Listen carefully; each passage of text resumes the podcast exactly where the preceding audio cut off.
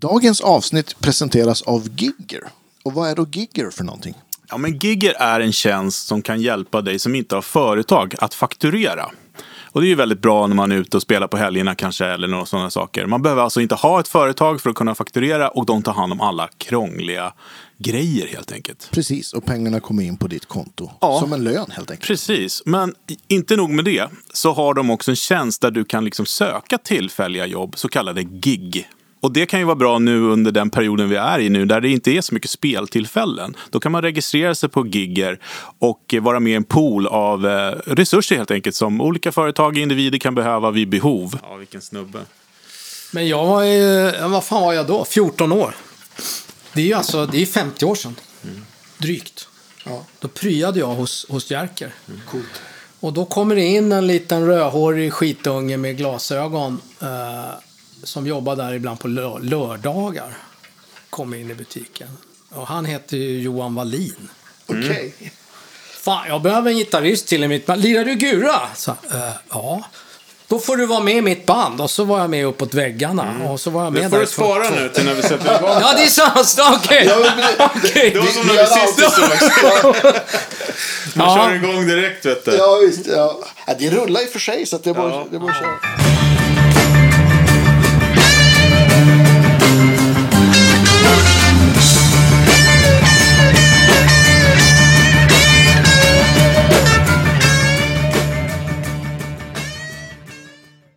Men alltså, jag tycker ändå att det är ganska underhållande. Så Anders Oredsson kommenterade. Mm. ehm, Jag har jobbat med Anders Oredsson. har du det? Ja, han, han, eh, han var ju liksom som IT-tekniker kan man väl säga på, eh, på ett ställe där jag jobbade.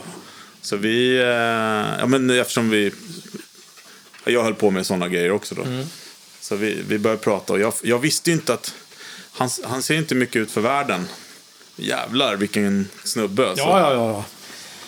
Han har ju en record liksom. Ja, och det verkligen. roliga med, för han har ju gjort alla våra grejer, med, spelat in alla, allt det vi har gjort med Future Elephants. Jaha, vad roligt. Ja, och då har ju han, det är Roger Holegård som sjunger.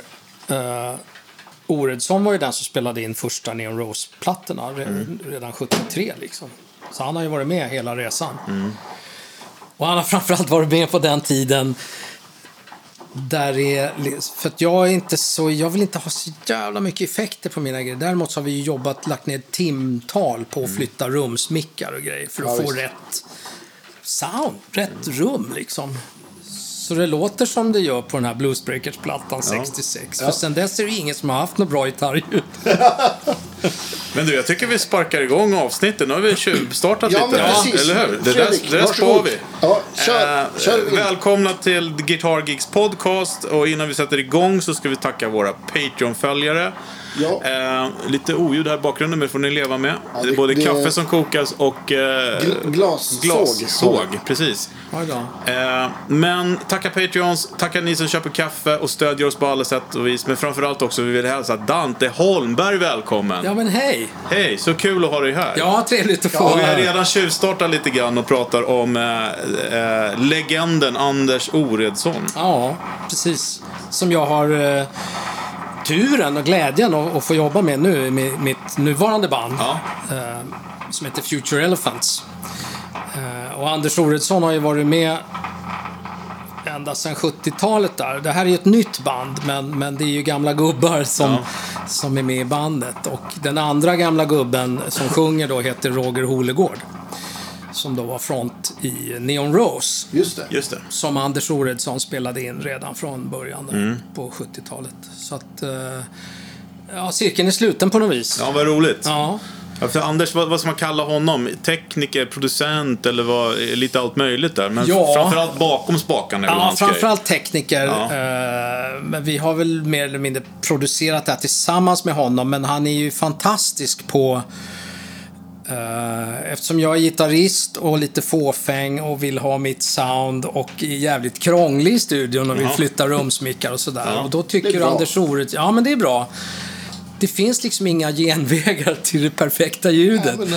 Det tar en stund. Och Oredsson är ju så här, det här har ju han gjort i så många år, ända Mm. sedan 70, så han tycker inte att det är krångligt. Eh, Han tycker inte att jag är besvärlig, utan han är, han är villig att hålla på med det här några timmar för att det ska låta bra.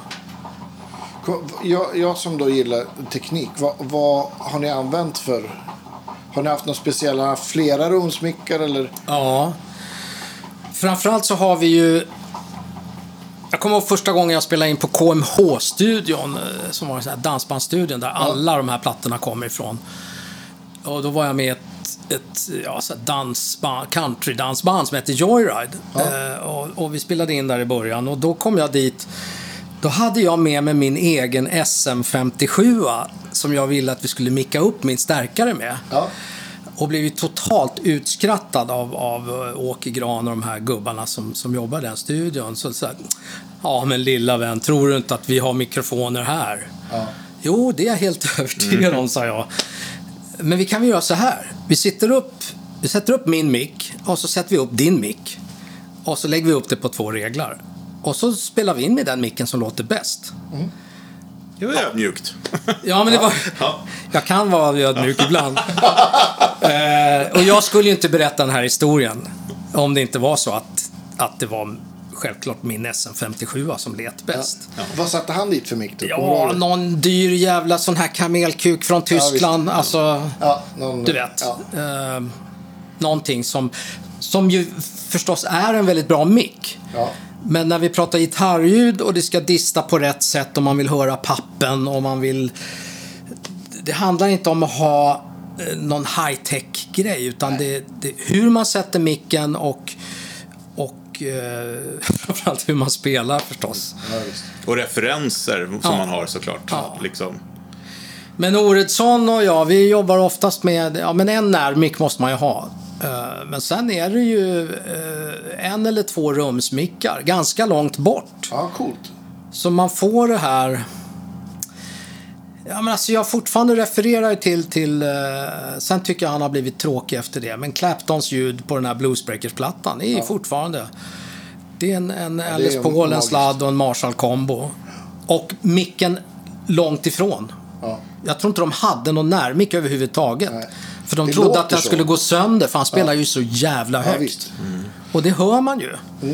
Bara att han, jag har tänkt på det där en del. Bara att han fick spela så starkt kan jag tänka mig att det var viss, viss kamp. För att man får inte glömma Ja. att på den tiden hade ju ljudtekniker hade ju labbrockar. Liksom. Ja, ja, de hade ju vita Ja. eller gråa rockar. Ja, men visst. Eh, Deras och- primära jobb var att ta bort distorsion. Exakt. Och jag har ju läst det här, alltså, det, det, det är ju inte så att jag känner Clapton och, och Peter Green och alla de här, men jag har läst alla böcker som går att läsa om den här tiden. Ja. Eh, jag läser hellre böcker som handlar om sånt som faktiskt har hänt än att läsa hitta på romaner Ja. Och då får man ju veta att, att när Clapton kom ner där och, och, och ställde in sin stärkare och, och allting på fullt liksom. Då, han fick ju, nej men det här går inte. Du, du, du, du förstör mikrofonen liksom, den kan inte stå så här nära. Men då var det ju ändå, han höll ju på att bli Clapton is God. ja, men visst. Det var ju där någonstans. Och då är det väl eh, för, förmodligen John Mayall då som, som är kapellmästare som, som eh, ja men det här är, det, är- det är faktiskt Eric Clapton. Låt han hållas. Och det är ju en jävla tur att han fick göra det. För, för eh, Ja. jag köpte faktiskt den plattan på CD och skickade ner till Tommy Folkesson som byggde mina förstärkare på, eller byggde om mina, mina Fender-förstärkare på 80-talet. Eh, Så jag köpte CDn, skickade ner den till honom och satte på en lapp där det står referensplatta eller någonting. Liksom att, ja men det här är är vad jag tycker är ett optimalt bra gitarrljud. Eh, Och det tycker jag fortfarande att det är. Kom, han, kom han nära? Kommer du ihåg? Ja, det tycker jag. Ja. Men det roliga är att du har ju fortfarande de topparna. Ja, Eh, och det. bara för att sätta i kontext, för när vi pratar om det här med hur man mickar upp och sånt. Eh, nu råkar jag ju veta vad du har för rigg för att Ja. göra lite smygreklam här om det här The Rig Show då, som är den här det. YouTube-kanalen som, Ja. som vi, du är med på också, där man kan titta på allt det här vi pratar om. Mm. Eh, men eh, det är ju fy, en 412 som du utgår ifrån. Ja, eh, det. just, för du kanske också förklarar liksom att det behövs lite rummickar och Ja, sånt. Eh, Just och, det. och eh, kan du inte ta oss igenom den, den här speciella riggen då? För den är lite speciell ändå. Ja, men det är väl... eh, Ja, den är väldigt För det är ju speciell. samma nu som då. Ja, det är det. Ja, precis. Det är ju det. Eh, Jag har ju samma fru också sedan 47 Ja, år. Så att, alltså, Det är det är ju lite så här... Jag, jag, Så man jobbar. Ja, det är så man jobbar. Nej, men det är... Ska man väl inte gå igenom de grejer som vi gör på rigshowen Jo, där? det får, jo absolut. absolut. För att vi, det är mycket fler lyssnare här än vad vi har tittare där. Ja, okej. Så att- Ja, men då är, det utgår ju från... Jag har då en Marshall-låda från 1967. Den gjordes bara det året. Och det är den här extra höga underlådan som, som Jimi det. Hendrix hade. Är det den som heter TV? Nej? Nej. Nej, det är något annat. Okej. Nej, men det, de de är ju också extra höga. Men det här är en... eh, Den har inte gjorts efter det. Nej, den ja, gjordes bara coolt. det året. Och det, det ser man alla de här eh, livebilderna med Hendrix där när han har liksom slaktat sin Marshall-rigg. Det är bara hål överallt och tyget hänger. Det är den här extra höga underlådan. Så den är större än, än eh, vad ska man säga, moderna 412 uh, Jag skulle vilja påstå att det är tjockare virke i den också. Det är inte några jävla eh, spånplattor liksom. Det är lamellträ och tjockt. Och det som jag säger på rigshowen där, det är som att släpa omkring på en sommarstuga. Det, det Mm. är liksom... eh, men den låter bättre än alla andra lådor. Jag har ju testat den med... med eh, Precis, det är också hur... Det sitter ju en... Den är, det är samma konstruktion. Mm. Eh, samma material och sånt, råkar jag veta. Men det är också... Det sitter ju en... sitter en liten eh, extra balk där som gör, gör att det Ja. faktiskt gör väldigt, väldigt mycket. Ja, och sen så mycket. Mm. är det pinstripe-tyget. Alltså det här gråa med lite plastigt nästan. Mm. Om du vet, Andreas, vilken... Ja. Ja. Ehm, och det dämpar ju på ett väldigt speciellt sätt också. Ja. Precis som modellen efter som heter Basket Weave då dämpar på sitt sätt och hit och dit. Så att, exakt. ehm, Och det här tyget vet jag inte hur länge man använder, men det är ju samma tyg som sitter i Claptons combo. ja, jag tror fram till 68 tror jag. Så länge? För sen vart det, sen vart det det här Basket. Weave-tyget. Ja. som är lite grövre, sandfärgade liksom. Men Eller det är var ju det det man svartvitt kallar det... salt and pepper? Nej, det är Nej. efter det. Det är Det är efter det. 70-talarna. Ja. Så Basket Weaven var ju också svart och grå, svart, grå, vitmelerad kan man säga. Men den blev ju liksom, efter åren så vart den som, nästan som rotting ser det ut som. ja. Ja, precis. Ja, Känns men- som Ja, rotting när man drar på den precis. också. Precis, medan checkerboard då eh, är ju den som kom på 70-talet. Den, den eh, är mera eh, rutig. Du får titta på The Rig Show, Andreas. Ja, men det ska jag. jag. så ser du ju. Och 25 wattar i den. Ja, fyra 25 watts greenbacks eh, som är på 15 ohm styck. Och sen är den serieparallellkopplad. Så den, eh, den blir någonstans runt 8 ohm liksom. Och de låter ju skitmuggigt. De, för det är tre element, eller alla fyra elementen är original från 67. Ett av elementen är omkonat. Så det elementet har lite mer fräs. Liksom. Så det är det elementet som jag gärna mickar upp nära med min SM57. Har du kvar den 57 Fan, det är Underbart. dum fråga. Det är klart jag har det. Ja. Jo, men den, eh, den har jag spelat in alla. Nu är det lite roligt när du frågar. För det är ju så. Det är ju den jag har spelat in alla gitarrer med sen... Ja, du vet. Ja. Sen förr. Ehm, men då, då... För det är ju så här, fyrtolvan flyttar ju väldigt mycket luft i rummet när man, när man eh, drar på den. Eh, och har man då närmicken på den här omkonade och sen så rumsmicken på allt det andra så, så det blir underbart. Eh, alltså soundet, för mig är det optimalt. Du har ju väldigt eh, träig ton. Ja.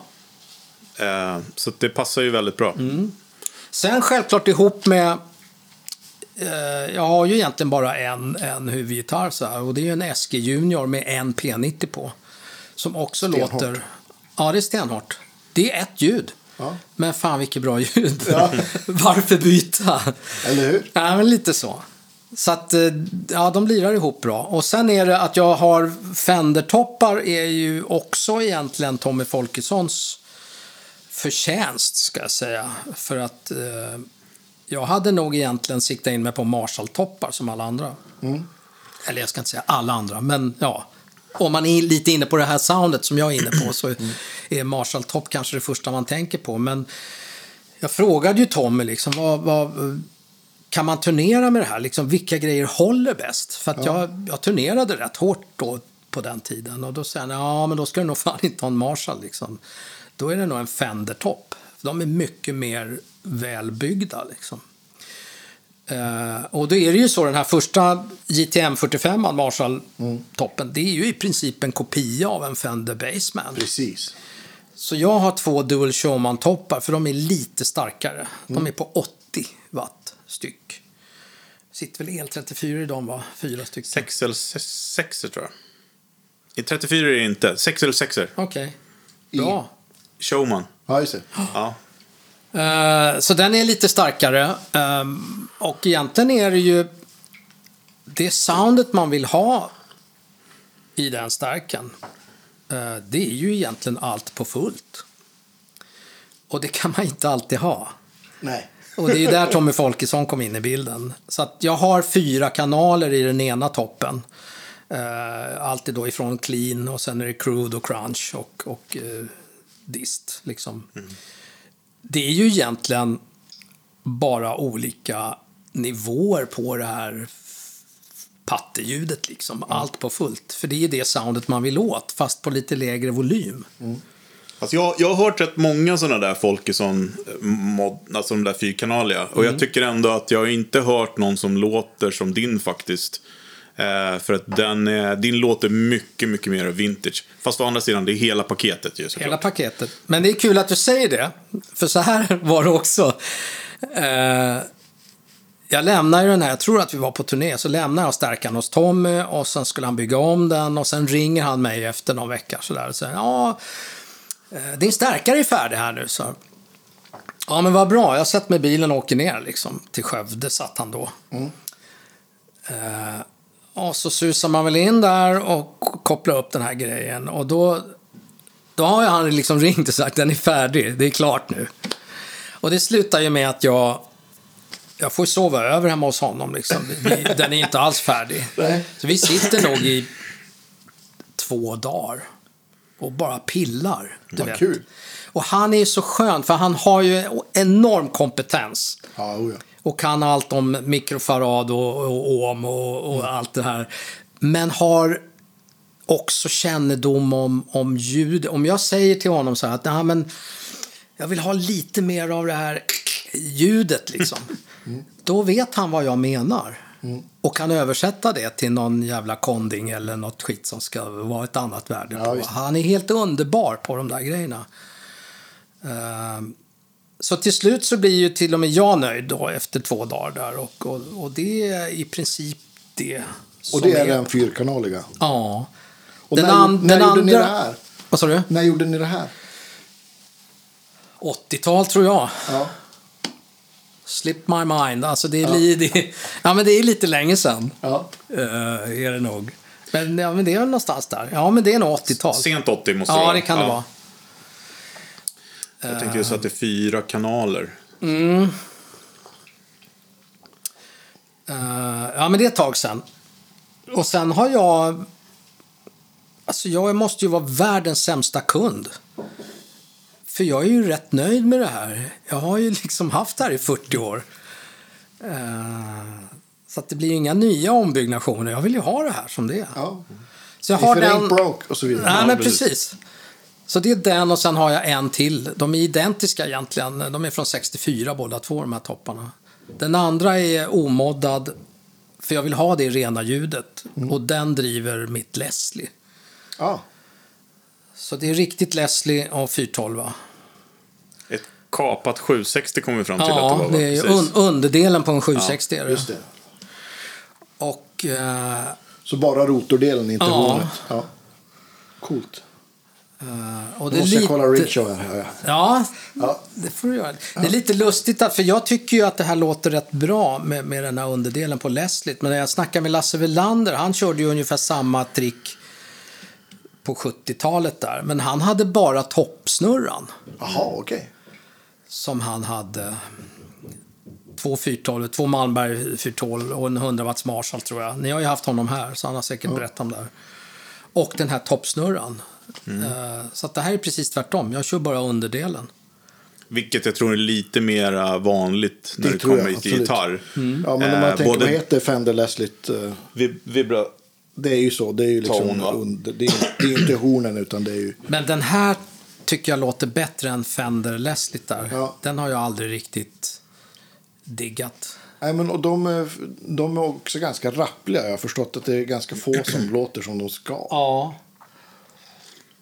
Nu har det ju kommit ett, vi pratade ju med eh, eh, Josh Smith här ju. Precis. Och Benson är ett, en amerikansk byggare som har nu byggt ett ganska litet och kompakt.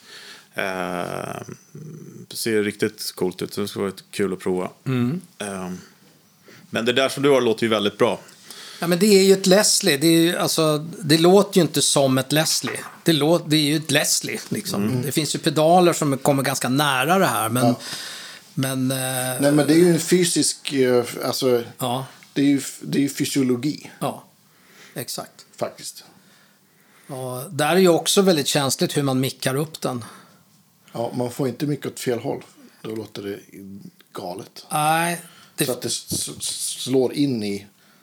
nej men precis. Man har ju en skön anekdot Ja, där. det finns en skön story. okej. Men den kör jag ju på rigshowen. Nej, den är, fa- den, är- jag har inte lagt upp den än, så du kan köra den här först. Ah! köra en liten teaser Ja, här då. precis. Ja, men det finns ju en... Eh, från början så var vi lite osäkra på hur man skulle micka ut det här i, i, PA. Eh, och det här är ju länge sedan. Eh, 95 tror jag. Det är samma rigg. Det är samma, samma Marshall-lådor och samma Leslie och eh, samma gitarr. Eh, och då åkte jag med Janne Johansen. Han hade precis vunnit schlagertävlingen där med Se på mig och vi Ja. åker runt. Och Robban Ernlund är ju ljudtekniker. Ja. Eh, en av de absolut bästa och roligaste ljudtekniker att turnera med. Eh, han är underbar. Ingenting är för krångligt för honom heller. Men vi håller på att titta lite på det där hur fan man ska micka ut det så det låter bra i PA. Och eh, gör misstaget. Vi tror båda två att, att här ska man försöka få ut så mycket stereo som möjligt i PA. Så vi mickar i 180 grader. Just det. Det vill säga en mick på varje sida. Och så giggar vi och det här är... Jag fick något svar på någon, någon som kom på ihåg vilken... Det är någonstans i Norrköping. Någon, någon typ konserthus, sittande publik. Ludvig kanske? Ja, det är det. Ja. Eh, och så är det konsert och sen är det paus. Och då kommer en liten äldre dam fram till Robban Ernlund i pausen och frågar på ett vänligt sätt så här, eh, är det du som jobbar med ljudet här? Så här ja, det är jag. Så här, vad kan jag göra för dig? Robban, alltid trevlig. Jo, det är så att min man och jag är här och min man har då råkat hamna, han sitter precis i mitten här i salongen och han blir sjösjuk så fort gitarristen spelar. Då, då sitter han liksom i krysset Ja. där det är som värst stereoljud. Ja, det var... Och det är bara svischar vet du, av det här jävla Leslie. Eh, Så att han, han blir illamående helt enkelt, eh, på riktigt. Så Robban glider ju upp till mig då så här och ja, fan Dante, vi måste nog ändra lite på ditt ljud. Det sitter en herre här i publiken som blir åksjuk när du lirar. Så då flyttar vi ena micken och mickar upp det i 90 grader Ja. istället. Eh, och det blir ju lite bättre. Men numera så har jag kommit på, eh, efter att ha lyssnat på Badge med Cream från Goodbye Cream-plattan som just kom 69. Som för mig är första låten som jag hör Leslie. Leslie på gitarr. Ja. Eh, och det är kärlek vid första lyssningen. Vad fan är det här? Det är så jävla bra. Och lyssnar man på den i lurar så hör man väldigt tydligt att den är ju mickad i mono. Så så gör vi nu. Oredsson brukar ligga på knä där och, och pilla upp micken så att den sitter på något bra ställe och eh, mono och sen en rumsmick på det så att man får lite av det här swishet liksom. Men, men aldrig mer stereo. eh, för jag vill inte bidra till att det sitter någon i publiken som, som måste ha med sig liksom spypåse för Fantastiskt. Det är jätteroligt. Ja, det är skitroligt. Ja. Och det här är på riktigt. Liksom. Det, eh, Men det är, lite, det är lite roligt också att du har, eh, du har ju en lång musikalisk karriär. Och att du har liksom ändå spelat på den här riggen i ganska många olika sammanhang. Kan, du, kan du inte bara berätta lite grann liksom, från nu till Strix? Liksom? ja...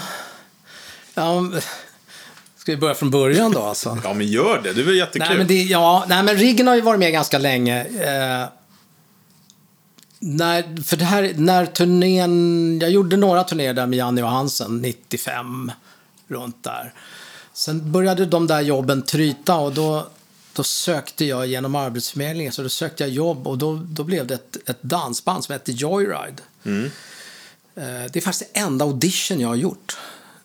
Då fick man gå Vid dit. Arbetsförmedlingen alltså? Ja, så, du vet. Ja. Man fick a-kassa. Ja. Och sen fick man inte... Eh, då var man tvungen att söka något jobb för Ja. att fortsätta få a-kassa. Och då sökte jag det här jobbet. Eh, Det var rätt många sökande så det tog ett tag innan jag fick något svar därifrån. Men då hade jag faktiskt med mig min lapstil också och rev upp den. Så jag lirade lite sånt här också. Och, och jag tror att det gjorde att, att jag till slut fick det jobbet. Men när jag fick det jobbet eh, då säger Gitte Kjellman, som var då kapellmästare i det bandet, så här. Eh, du ska inte tro att du får ha med dig de där grejerna. För här bär man grejerna själv. Ja, precis. Och, och nej, det där kan du inte hålla på och släpa på. Eh, så då, då bytte jag ner mig till min, uh, det är i och för sig också en fin, det är också en Fender, den är också från 64 tror jag. En Fender Deluxe Reverb Combo Ja. med en 12 i. Eh, så då är det den och en Telecaster och lite pedaler liksom. Som, så då fick den här riggen stå och vänta lite grann. Eh, Men nu med Future Elephants, då finns det ju liksom inga, inga genvägar. Eh, Om vi inte har kul när vi lirar och om, om det inte låter precis så som vi vill att det ska låta, då vill vi ju inte lira. Nej. Det är ju enda liksom, anledningen som, som att vi håller på, det är ju att det är kul. Ja. Och att det låter som det ska. Eh, Så att nu är riggen här igen. Men, eh, ja, men sen har det väl varit lite... Faktum är att den var inte med på Strix-tiden så. Nej, det var efter det alltså? Ja, det är efter det. För på Strix-tiden, jag vet att Nysse och jag var och såg Doobie Brothers på Konserthuset något år där. 77, whatever, liksom där någonstans. Då har ju de, eh, Pat Simmons och de här boysen, då har de en sångmonitor och en, kombo, en gitarrkombostärkare liksom i front Ja, okej. Som ligger så Ja. i fronten eh, och rätt upp i öronen. Och då, fan det där är en bra grej. Så då åker den här min Gibson GA30-förstärkare fram. Så den körde du på den tiden? Ja, den är den som är på alla Strix-plattorna. Körde Nysse också det då, eller? För han är, han är ju väldigt förespråkare för den stärken. eh, han har nog en, en ganska slaktad variant av den. Eh, Vi kallar den för Hot Rod-modellen. Min är ju fortfarande i väldigt fint skick. Ja, verkligen. Eh, Den caseades ju och, och, och, och bars ju med vita handskar. Liksom. Så, men den låter ju fantastiskt bra. Du har ju hört den också. Eh, och den är nog den... På de Strix-plattor som jag kör Leslie så är det ett riktigt Hammond Leslie som drivs av den förstärkaren Okej, som ja. sitter i GA30. Och det är en liten... eh, Den är inte på mer än 14 watt. Men det är som någon sa, det spelar ingen roll om man har en 200-wattare eller en 14-wattare. Om den första watten låter skit, Ja, visst. då blir det ju inte bättre om du har 200 Nej. till. Nej. Utan låter det bra från början så låter det ju bra. Ja, men GA30 för de som inte har testat det, får ni chansen att göra det någon gång så det, det är en spe, väldigt speciell stärkare. Den Mm. är rapp, den är pigg eh, och den har ganska mycket gain i sig jämfört Ja, med din ja. Marshall, Ja, eller din för fan. Fender om man Ja, säger absolut. så. Oh, ja. Ehm, så mycket rappare liksom. Mm. Så jag kan tänka mig att det, den är ju väldigt bra att spela in med eftersom den är också lite så här sprilligare och tunnare. Ja, fast på det är ett bra sätt. Om man jämför, vad är skillnaden på GA30 och GA40 har jag testat och sett. Men GA30, Jag vet inte vad det det är säkert någon kretsskillnad men framförallt så är det väl watt. ja Det just finns ju det. GA20 också.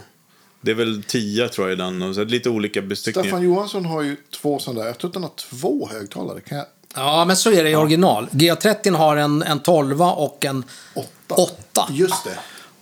Och det är ju Jensen i original. Ja. Så de två elementen ligger ju nerpackade i en kartong i ett förråd hemma hos mig.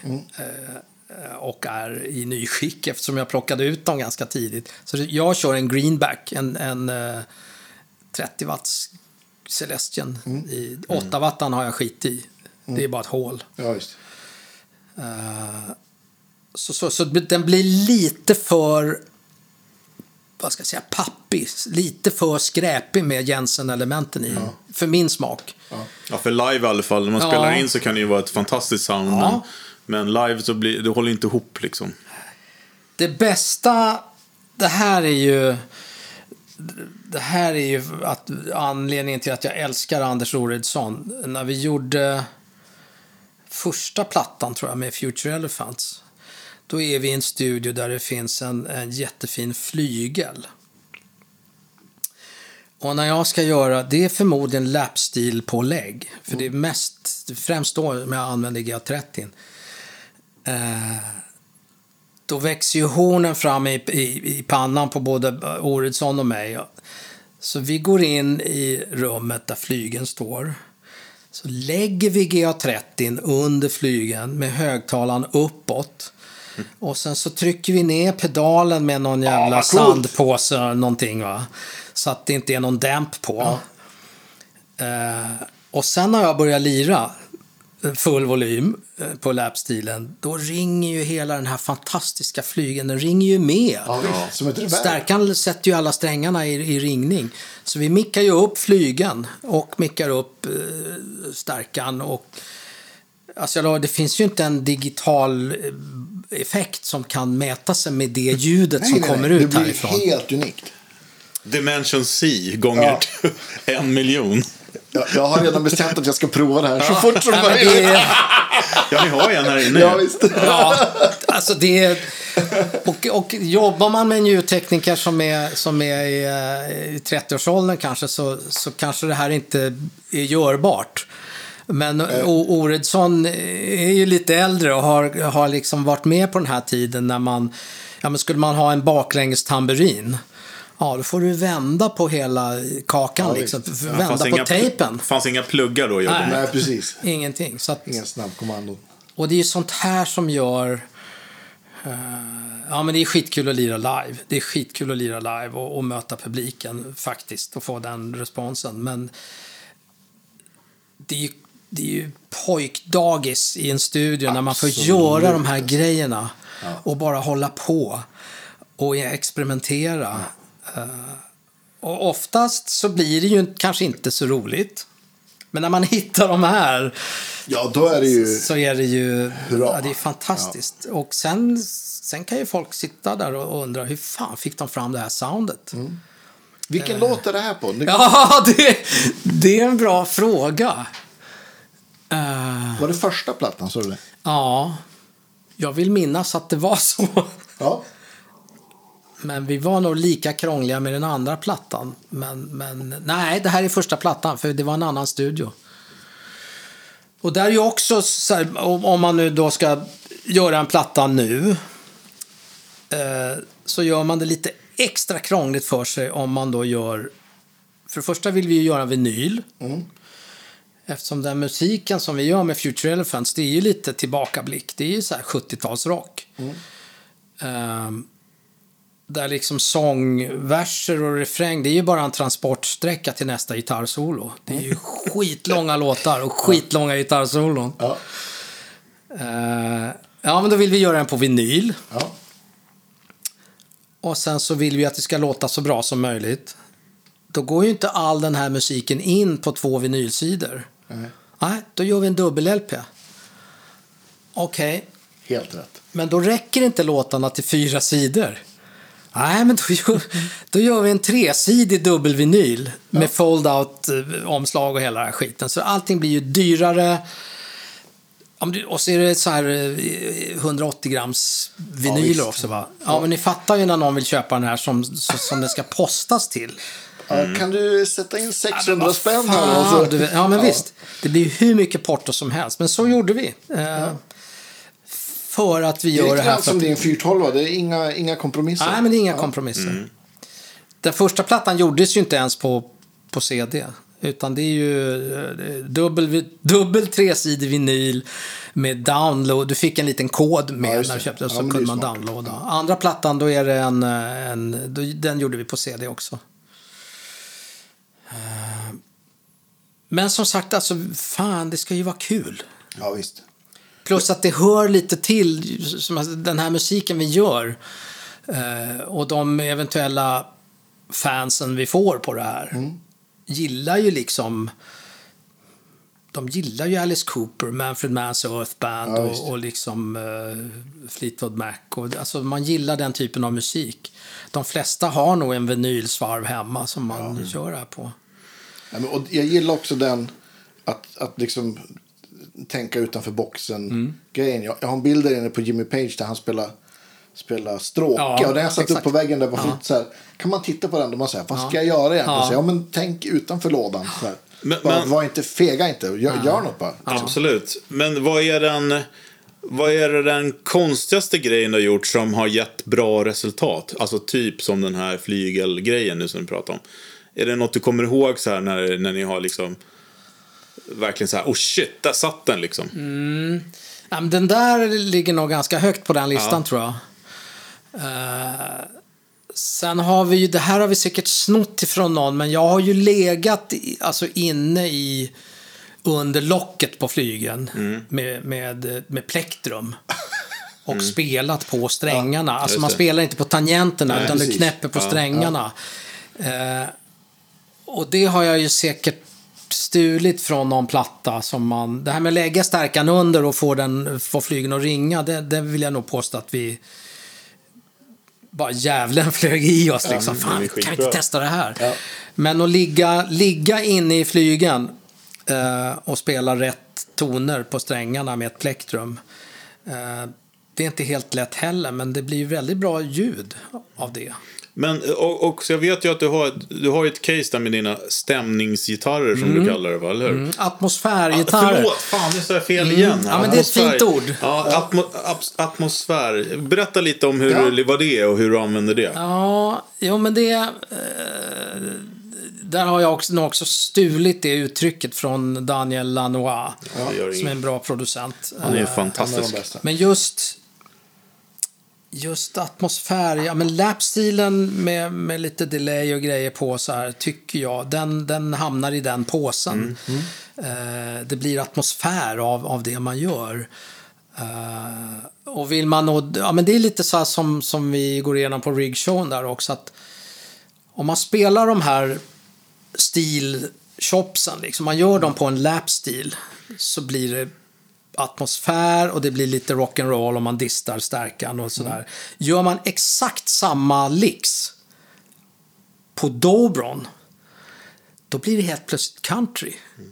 Av, så det är, det är liksom, vad, vad vill vi med det här? Och eh, jag var med och lirade på någon Rednecks-platta där på sent. Jag tror att det är den sista singeln de gjorde.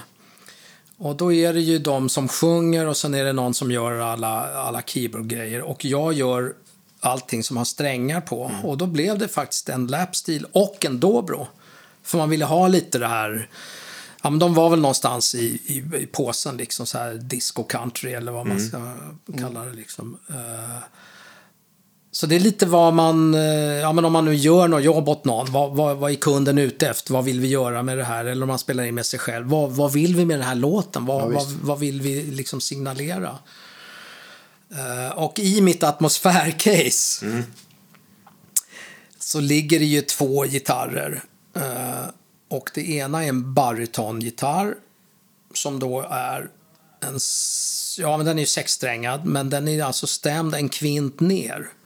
Ah, Så när du tar, ja men säg att du tar ett vanligt E-ackord, som du tar ett E-ackord på en gitarr, då är det ett A. just det, precis.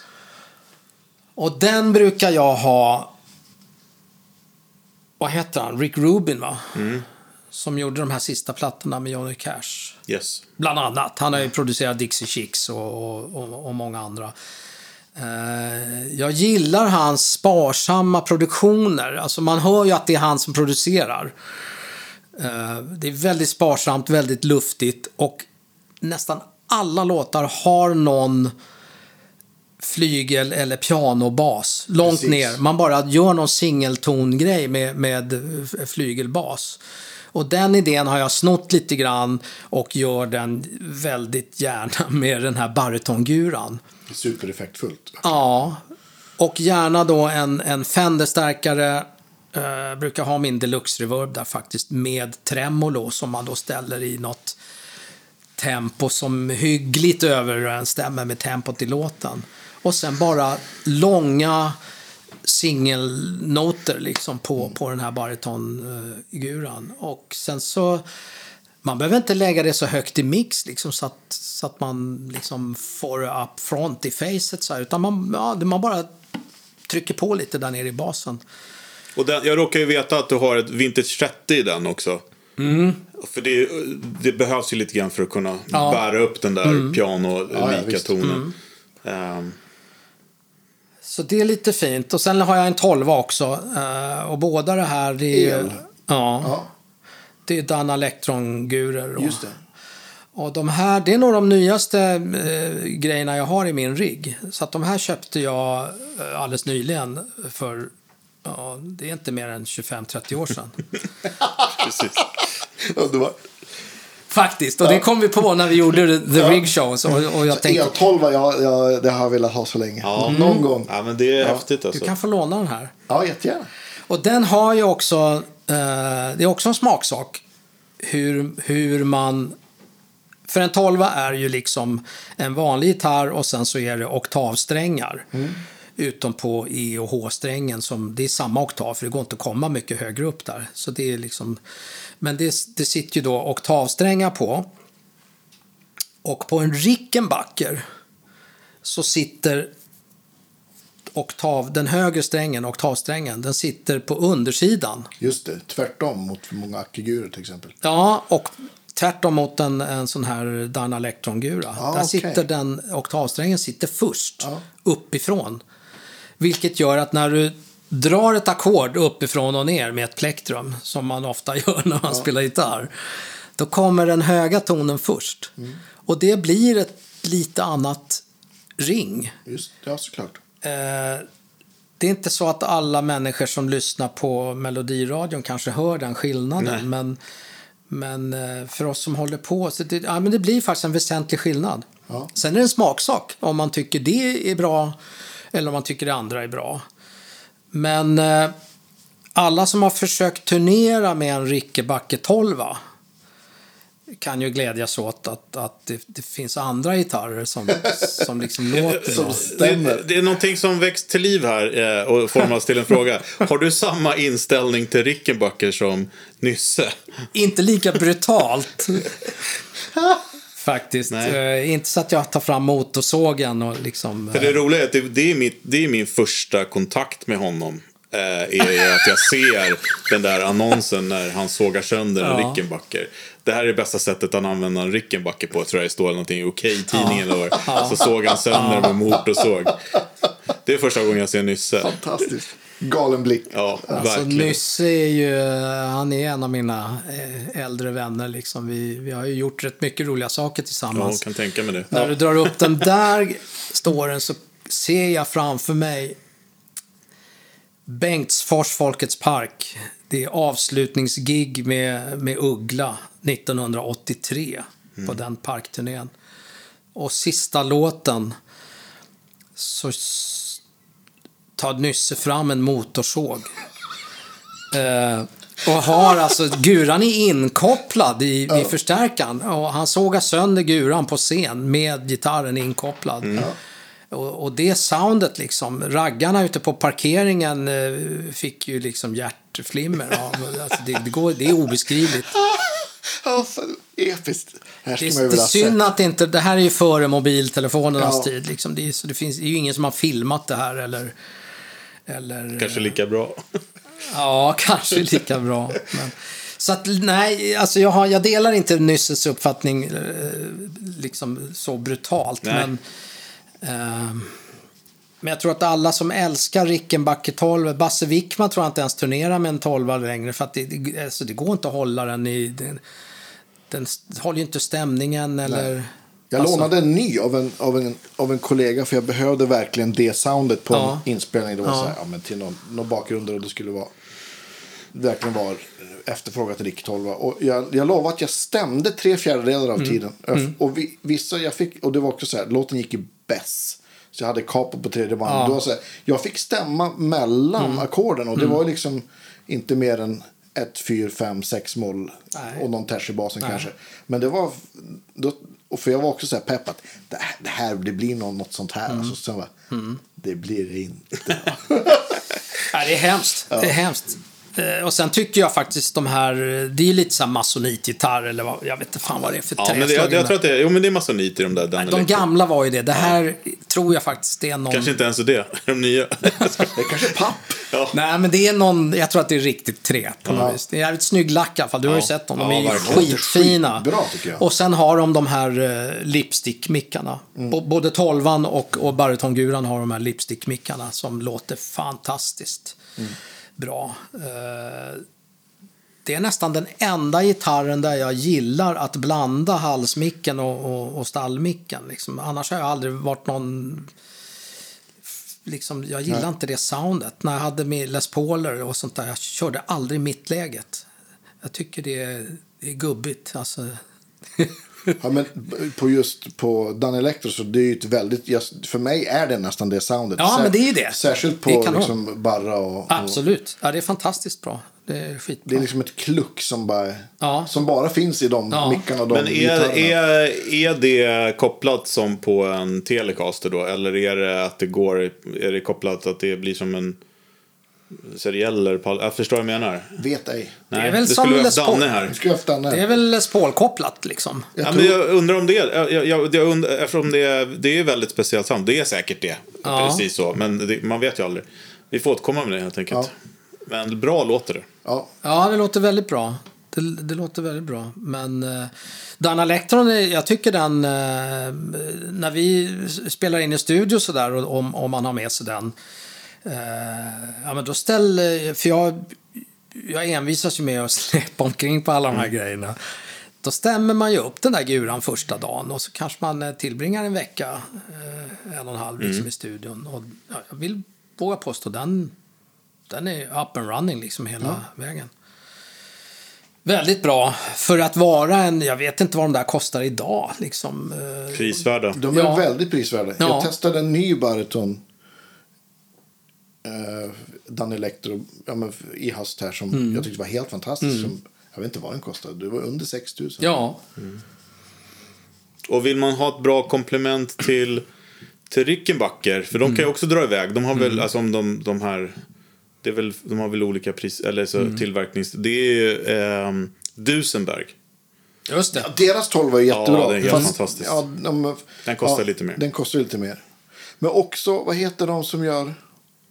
Revolta gör en, Just det. en, Okej. en, en fin... Novos lågpris. Novos lågpris. Men det är ändå kanske 12 kan det vara. Eller så, här, 14. Ja, det är säkert, men det är, det är väldigt billigt. För de, det, det kan man ju slå ett slag för, de där gitarrerna. De tillverkas ju i eh, Korea tror jag. Och sen så sätt, sätter de, gör de setupen i, i Nashville. Precis. Mycket för pengarna. Ja, och ja. Men det är alltså när jag var... När jag var 14 sådär, och, och pryade på musikbörsen hos Jerker Antoni. eh, där jag då träffade Johan Wallin som, som förmodligen är anledningen till att jag sitter här idag. Eh, en billig gitarr på den tiden, den gick ju fan inte att lira på. Alltså Lucky Seven och vad de hette. ja, visst. Eh, som, eh, men idag, alltså en, en, en billig gitarr idag är ju ändå liksom en hygglig gitarr. Det, det finns inte så dåliga gitarrer längre. som Nej, verkligen då. inte. Och det, eh, jag är en lite yngre generation än dig. Eh, Ja. Inte mycket, men lite. Eh, men och, och liksom på 80-talet var det ju fortfarande så. Ja. Att eh, jag kommer ihåg min första gitarr var en sån här Kort. Ja. Eh, Hobbex. Liksom, det var, ja, man kunde skiva ost med den. Så liksom så, det var väldigt action och k- kantigt och så här grejer. Och, och Ibanez då som nu är, har, finns i alla prisskikt såklart. Det finns ju jättedyra Ibaneser också. Men det var ju, de kostade ju 5-6 tusen spänn då liksom. Deras billigaste så att Ja, säga. precis. Den här Roads, Roadster och Blazer-serien.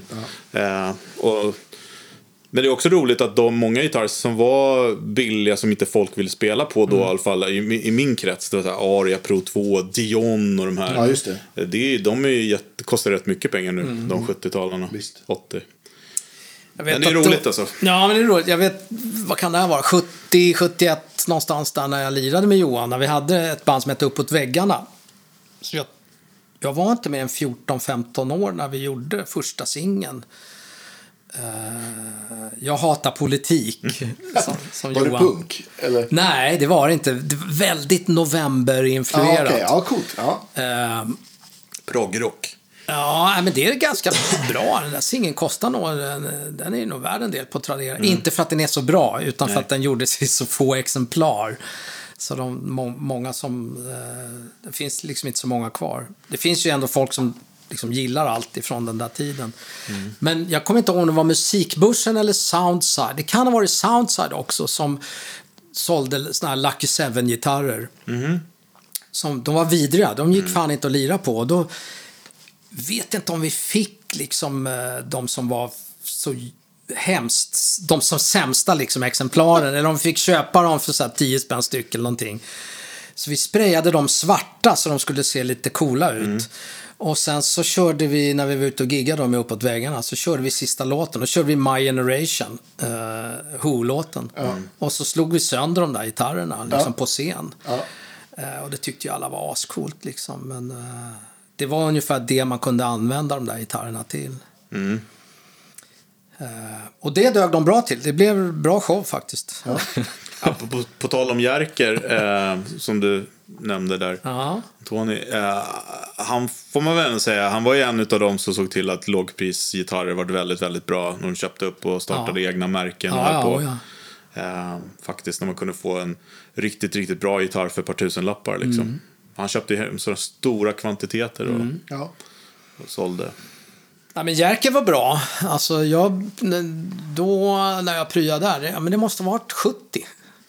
Det är inte så länge sedan va? Nej. Då hade han första musikbörsen. Den, den var, alltså, storleksmässigt var ju affären som en garderob ungefär. Alltså, det var skitlitet. Och där eh, pryade jag. Eh, och då kom det in den här killen som, som brukade jobba extra där på lördagar. En liten kaxig rödhårig snubbe som, som gled in och var skittuff och lirade jättebra gitarr. Så här, haka ner någon gura och bara visa så här lirar man blues och så kör han de där. Eh, och det var Johan Wallin. ja, coolt. Och då behövde han en gitarrist till, eh, till sitt band då, som hette Uppåt väggarna. Och då hakade jag på.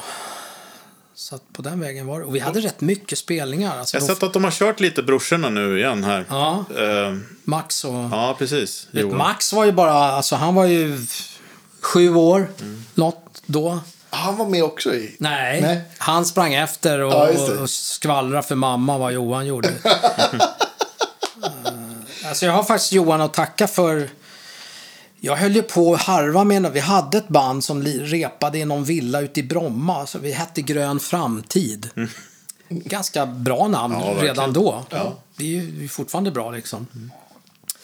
Jag hade kanske aldrig kommit ur den där replokalen om inte Johan... Johan var väldigt driftig liksom. Han hade turnébuss eh, och körde själv. Ingen körkort, men han körde själv. Underbart. Och bokade alla jobben liksom. Och vi åkte omkring. Vi lirade på alla ungdomsgårdar. Vi, vi, alltså, vi lirade så här fyra, fem kvällar i veckan. Fantastiskt. Och sen började vi väl åka ut eh, så Kristinehamn, Hallsberg, lite så utanför stan. Så det var ju där det började för mig liksom med, med turnésvängen. Turnerat i 50 år. Ja, Men för Johan, han, Ja. Johan spelade väl med ABBA va, en sväng, eller? Eller har vad jag fått, eller sköt han ljudet där, eller vad?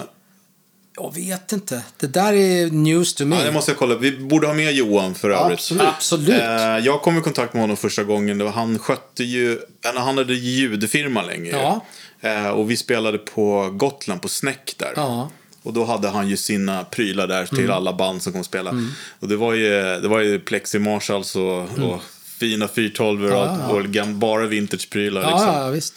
Eh, och faktum är att jag köpte en legendarisk förstärkare av honom, en blackface twin, som i vanliga fall väger ton, som han hade två EV-högtalare i. Ja. Det vägde två ton då. Alltså det var så här, när man, man lyfte upp den, om man nu behövde göra det, då, då bångnade hela kabinetten. Eh, och en gång släppte ett locket ur den för den var för tung, så den fick vi trycka dit eller med. Men jävlar vad bra den där lät. Men han är duktig gitarrist alltså. Han är skitbra. Jo. Han lärde mig grunderna måste jag säga. Som jag sen överförde. Nysse brukar ju ge mig mycket cred. För att ja, jag visade Nysse allt sådär. Men det är inte riktigt sant. För att jag bara förde det vidare som, som, som Johan visade mig. Liksom. Sen var Nysse ingen höjdare på på musikteori liksom. Så att när vi började lira ihop Ja, men Nysse han vet ju inte vad ett fissmoll 7 add 9 är Nej. liksom. Och eh, börjar man prata minusfemmor och lite så här, då, då... Så att vi bara sa, det här är ju tidigt när vi började lira, så, så sa jag till Nysse så här att eh, skit i siffrorna. Kör kvintorna du, jag sköter siffrorna. Ja. Eh, och det blev lite av vårt sound. Lite grann sådär att man... Och så var det liksom med Strix. Ja, så var det. Och Uggla. Ja. Ja. Men när, när började ni spela med du och Nysse? Ja du, han hade nog tur. Alltså jag började ju lira med Uggla 74. Ja. Då började det spelas in lite demos och så här nere i en, en studio på Roslagsgatan som hette Ljudkopia. Okej. Där jag tror att man mest gjorde liksom tal... Ja, talinspelningar. Liksom, bra, det är sånt som vi sitter och gör nu. Ja, exakt. Ja. Och där... Eh, då var det en kille där som var ljudtekniker som var kompis med, med Magnus storebror. Gabriel, tror jag. Eh, Lasse Gustafsson hette han. Så att det, vi började spela in eh, demogrejer där som sen blev eh, lite av materialet som kom på Magnus första platta som heter Om Bobo Viking. Just det. Jag tror inte att plattan kom förrän 75. Men eh, skärtorsdagen 1974 då började vi spela in de, de demogrejerna där. Eh, och sen, Vad spelade du på då? Kommer du ihåg det? ja, det kommer jag faktiskt ihåg. Då hade jag en svart Les Paul, en Gibson Les Paul Custom. En 68. Som jag hade köpt på Soundside. Alldeles ny. Ja, den var ju, ja men det är det. Den var ju ganska ny då. Liksom. Så den hade jag nog där. Och sen hade jag nog en, en eh, Soundside 412 Ja, just det. och en, Marshall, en 50 watts Marshall-topp. Det körde man nog med där ett tag. Eh, för det skulle vara så liksom. Ja. Det, det var Någon det. pedal? Nej. En bra sladd. En bra sladd? Ja, visst. inte ens wowa. Nej. Jag hade ingenting. Nej, rätt in bara. Ja. Vad fan. Jag kan ju säga också då, om någon kommer över en sån här Soundside-låda, jag spelar på sån i många Ja. år, de är lite grundare än Marshall. Ja, eh, det. och eh, låter jävligt bra. De låter jävligt bra. Och det, det sitter väldigt mycket i, i virket. Ja, För där är det inga spånplattor. Nej. Jag tror att det var Tommy Wistrand som konstruerade dem där, som jobbade som... Eh, byggde grejer liksom Ja. på Soundside. Duktig. Nej, men de låter väldigt bra. Ja.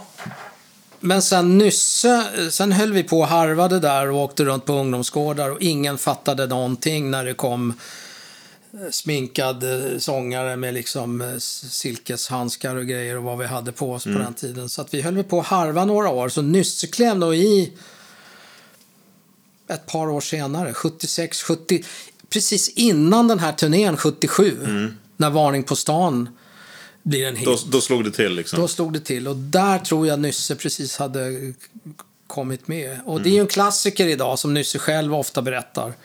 Han fick ju komma med för att han kunde fixa gratis sånganläggning och, och så. Ja, helt Det fantastiskt. Ja. Jag ville inte ha med Nysse från början. Så här, för nej, för fan, alltså, han kan inte lira. Förlåt Nysse. Men, men, Men lite men så het, hette ni Strix Q redan då, eller? Nå, så här är det. Eh, alla vet väl vad Strix betyder? Nej. Nej. Då ska jag lära dig något Ja, gärna. Strix är latin Just det. och betyder uggla. Ja, så enkelt. Man har ju sett det. Det är, no, är det någon Ja. skiv... eh, Ja, det är en gammal tidning. Albert Engström är. hade en Just det. tidning som hette Strix. Så från början hette vi ju alltså Magnus Uggla och Strix. Vilket då är liksom Magnus Uggla och Uggla. Ja. Eh, Så så hette vi ju fram till skivbolaget CBS ville tjäna dubbelt så mycket pengar. Så det var skivbolaget som sa till eh, som ville att vi skulle göra... Det var de som särade på Uggla och, och bandet. Efter den här turnén vill jag minnas att det var. Farning på stan slog igenom och vi, eh, det var kravaller överallt. Det var ju, alltså, vi kallar den... Det här är november 77. En turné som, som i efterhand har döpts till Svarta November. och ja, det var ju kaos. Alltså, det var kaos. Det var publikrekord överallt och det var... Jag minns att Magnus och Henkan som var med då och lirade, som också var producent, Anders Henriksson, som tyvärr inte finns med oss längre. De kom och hämta mig, jag bodde i Fredhäll redan då. De kommer att hämta mig i, fo- i Henkans gamla folkvagn. Vi skulle lira på Domino som då var det här stora stället på, vid Hornstull. Som nu, jag tror att det är någon jävla Friskis och Ja, just det. I hörnan där, ja. Precis. Ja. Fantastiskt ställe på den tiden. Det hette Domino. Och vi skulle lira där. Och de, eh, de svänger förbi mig nere i Fredhäll. Jag tror att de kommer väl från Odenplan någonstans där Henkan bodde. Och så kör vi över Västerbron. Och blir stoppade av snuten. eh, när vi kommer över krönet liksom. För att det, det är kaos. Hela Hornstull. Det är så jävla mycket folk. Det är folk överallt. Det är liksom 3000 pers ute på gatan som bara Shit, irrar vad omkring. fränt. Ja. Som vill in och se gigget liksom. Ja, det vet man ju inte än va. Utan Nej. polisen då, de stoppar oss. Så här, och Henkan vevar ner då. Eh, ja. ja, ni kan inte köra. Det, det, det är någon jävla eh, popstjärna liksom, som ska lira här nere på Domino. Så att, och det är 3000 pers här som inte kommer in. De är galna och går bärsärkagång här ute på gatorna. Så att ni kan inte köra här. Och det blir bara tyst inne i bilen. Så här. Och det här är första gången som vi liksom slås av den här hysterin. För att, alltså, Varning på stan har precis slagit igenom. Vi fattar ju ingenting. Nej. Så att vi får ju ändå liksom förklara för den här stackars polisen då att ja, du vet, eh, det är ju vi som är det här bandet som, som ska lira där. Så att vi måste ta oss vidare. Så vi får ju eskort ner till, till sceningången som ligger där nere under bron någonstans. Liksom, och tar oss ner där i den här gamla folkan. Och, och på något vis kommer vi in på Domino. Men det är den första den här... På den turnén. Ja, det är precis. Jag tror inte ens att det är ett turné. Jag tror bara att det är ett gig. Liksom. Och sen är den här turnén under november. Och den turnén är ju bokad sedan länge. Eh, vilket gör att gagerna är därefter. Vi tjänar inte jättemycket pengar. Eh, och ställena kanske inte är riktigt förberedda på den här eh, Hysteri. hysterin som, som, som är där. Eh, men det här det, det är början på svarta november. Och, och, eh, och den här lilla resan över Västerbron där, det är första gången som, som vi slås av att vad fan är det som händer? Ja. Vad fan är det som händer? Det, är- det är märkligt och lite skrämmande. eh, men också lite mäktigt sådär när man, när man, när man sitter där. Jag sitter och tänker på vad skulle kunna skapa sån kaos idag? Jag vet inte. Någon skulle Ny, ge en bort ny iPhone. gratis, i- gratis iPhone kanske. Då skulle det nog vara 3000 personer. Ja, men det är väl influencervågen där. Det är väl, skapar väl också sån här... Ja, Någon En influencer. återförening av ABBA, tror jag Ja. skulle ja precis. Eller att vi vinner någon fotbolls-VM eller något kanske. Ja, men precis. Ja, ja, det... Ja, det är svårt att, svårt att föreställa sig. Liksom, och, Men kul. Men, men eh, den här svarta november där då? Är det, det var bara att det var helt jävla tokigt helt enkelt. ja, det var helt galet. Ja. Helt jävla galet. Men ni hade kul också? Ja. Ja. Det är ju fortfarande, det här är ju, det är ju löjligt att sitta och säga det när man, eh, det, vad är det för år nu, 2020? Säga att ja, men det är fortfarande det roligaste jag har gjort. Ja. Eh, Nej, det är väl inte fånigt? Ja, men det blir ju också, vad fan har jag haft för liv efter det? För det är inte riktigt sant. Jag har haft väldigt roligt efter det också. Men det är den här, den här första smaken Ja på, på framgången. Eh, jag minns också första gången när vi, hela bandet, träffas hemma hos Magnus i hans lägenhet på Helga Lekamens gränd i, i Gamla stan. När vi har fått, av skivbolaget CBS, som numera heter Sony, när vi har fått veta att ja, men i, eh, ikväll ska de lira en låt från, från, från plattan. Och då är det Bobo Viking, det är liksom första plattan. Jag vet inte om plattan är, den kanske inte ens är släppt. Nej. Men något radioprogram som är en, en torsdagkväll tror jag, någon, något sånt här popprogram har vi fått veta att de, de ska lira en låt från plattan. Och den... Ja, men den upplevelsen när vi sitter där hela bandet och, och, och, och sitter hemma hos Magnus och, och man hör introt på, på låten. Raggarna tror jag det är. Det är någon låt från Bobo Viking liksom. Och man hör pianointrot. Fan, det är ju vi. Ja, det är Och just den här-. För du kan, alla andra kan ju höra det här också. Man tittar ut genom fönstret liksom, på den här eh, lägenheten som är tvärs över den här gränden. Liksom, och det sitter någon tant där inne. Man, fan, hon kanske också lyssnar på det här. Den, den första kicken man får av, av, det. Eh, för det är ju så sorgligt. Andra gången man hör det här, då är det ju inte första gången längre. Nej. Så att, eh, Det coola på den tiden var också, var man på radion, då var det hög sannolikhet att alla hörde det. Absolut. Ja, men visst. Det var ju det också. Det Eller är samma med tv-grejen. Ja. Alltså första gången vi gjorde, gjorde eh, med Strix Q då. Ja, det här Q slängde vi ju till bara för att vi skulle markera att det var en... Det betyder egentligen ingenting. Vi bara tyckte det var en jävligt snygg bokstav. Så det är Strix Q. Det betyder inte ett skit. Det är bara... Vi kastar in en bokstav till. Första gången man gör eh, direktsänd tv. Måndagsbörsen. 79 tror jag.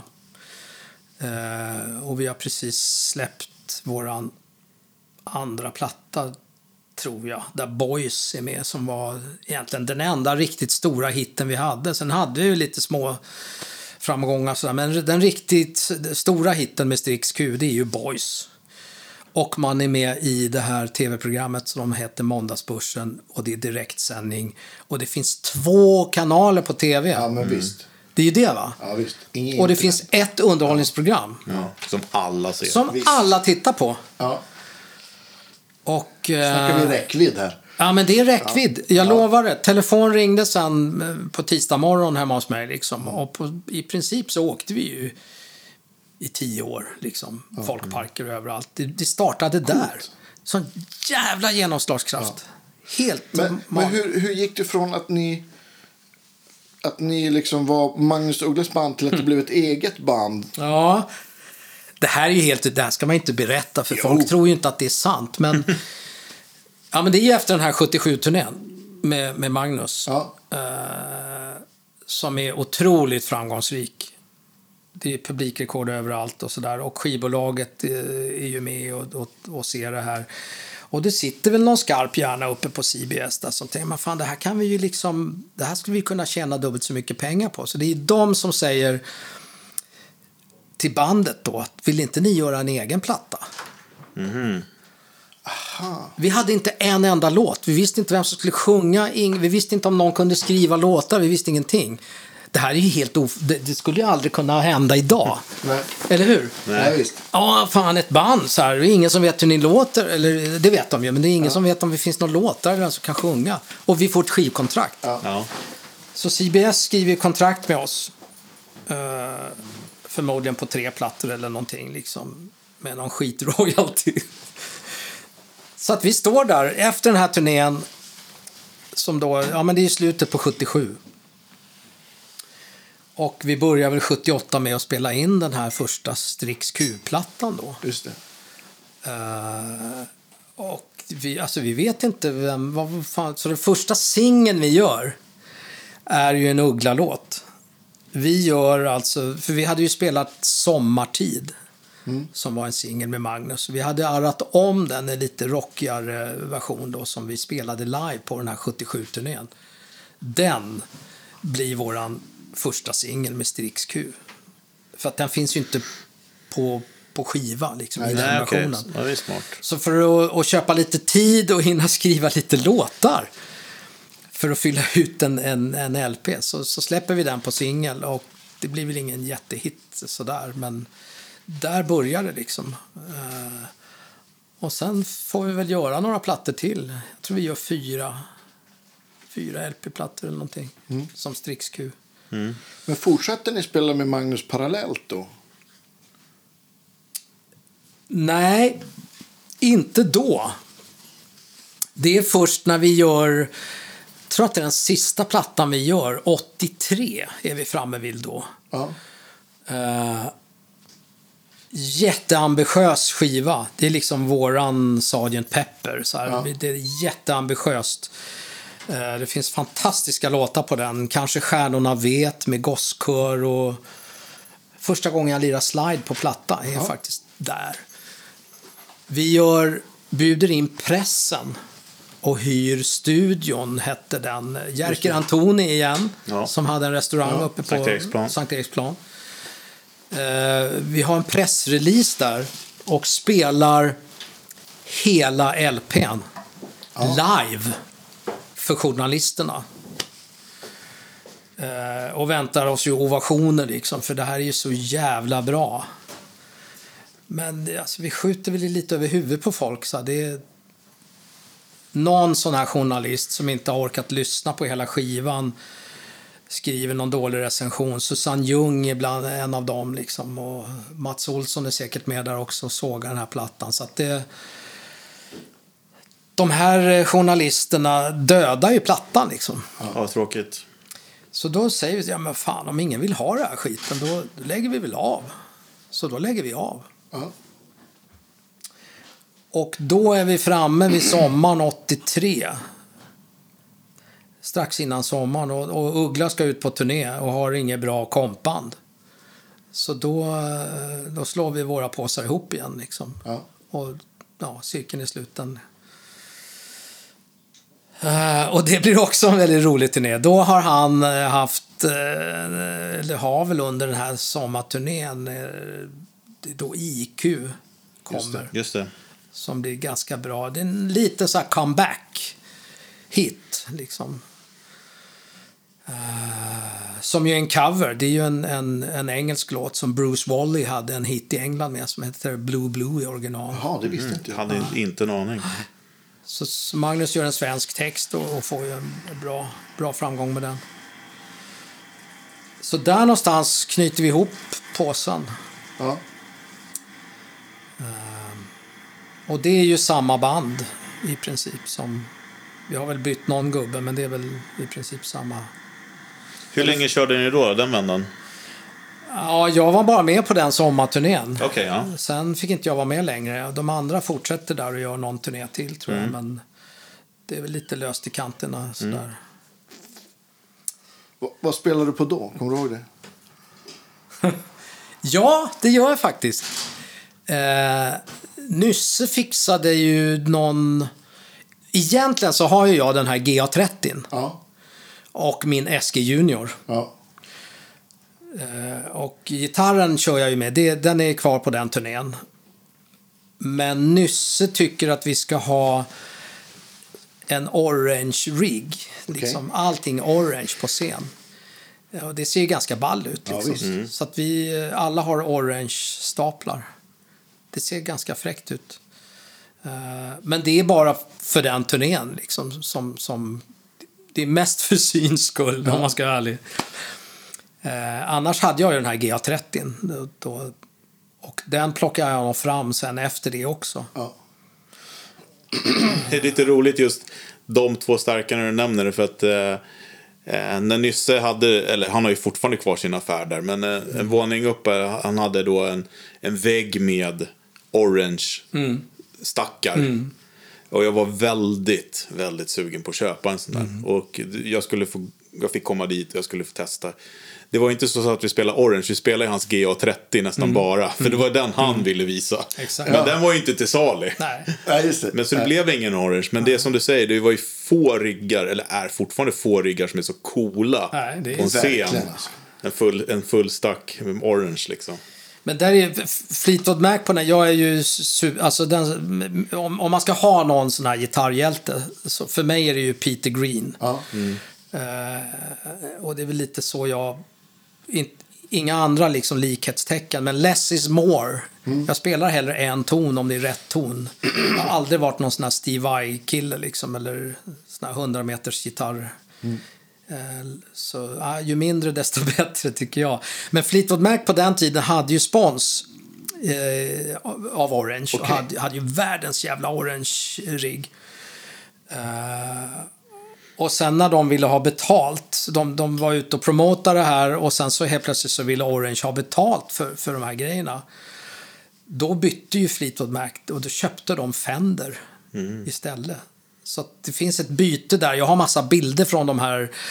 Jag såg dem ju på Konserthuset där 68, 69, Ja, just det. 70. Med Peter Green, Danny Curvin och Jeremy Spencer. Ja, Tre gitarrister i fronten. Skitbra.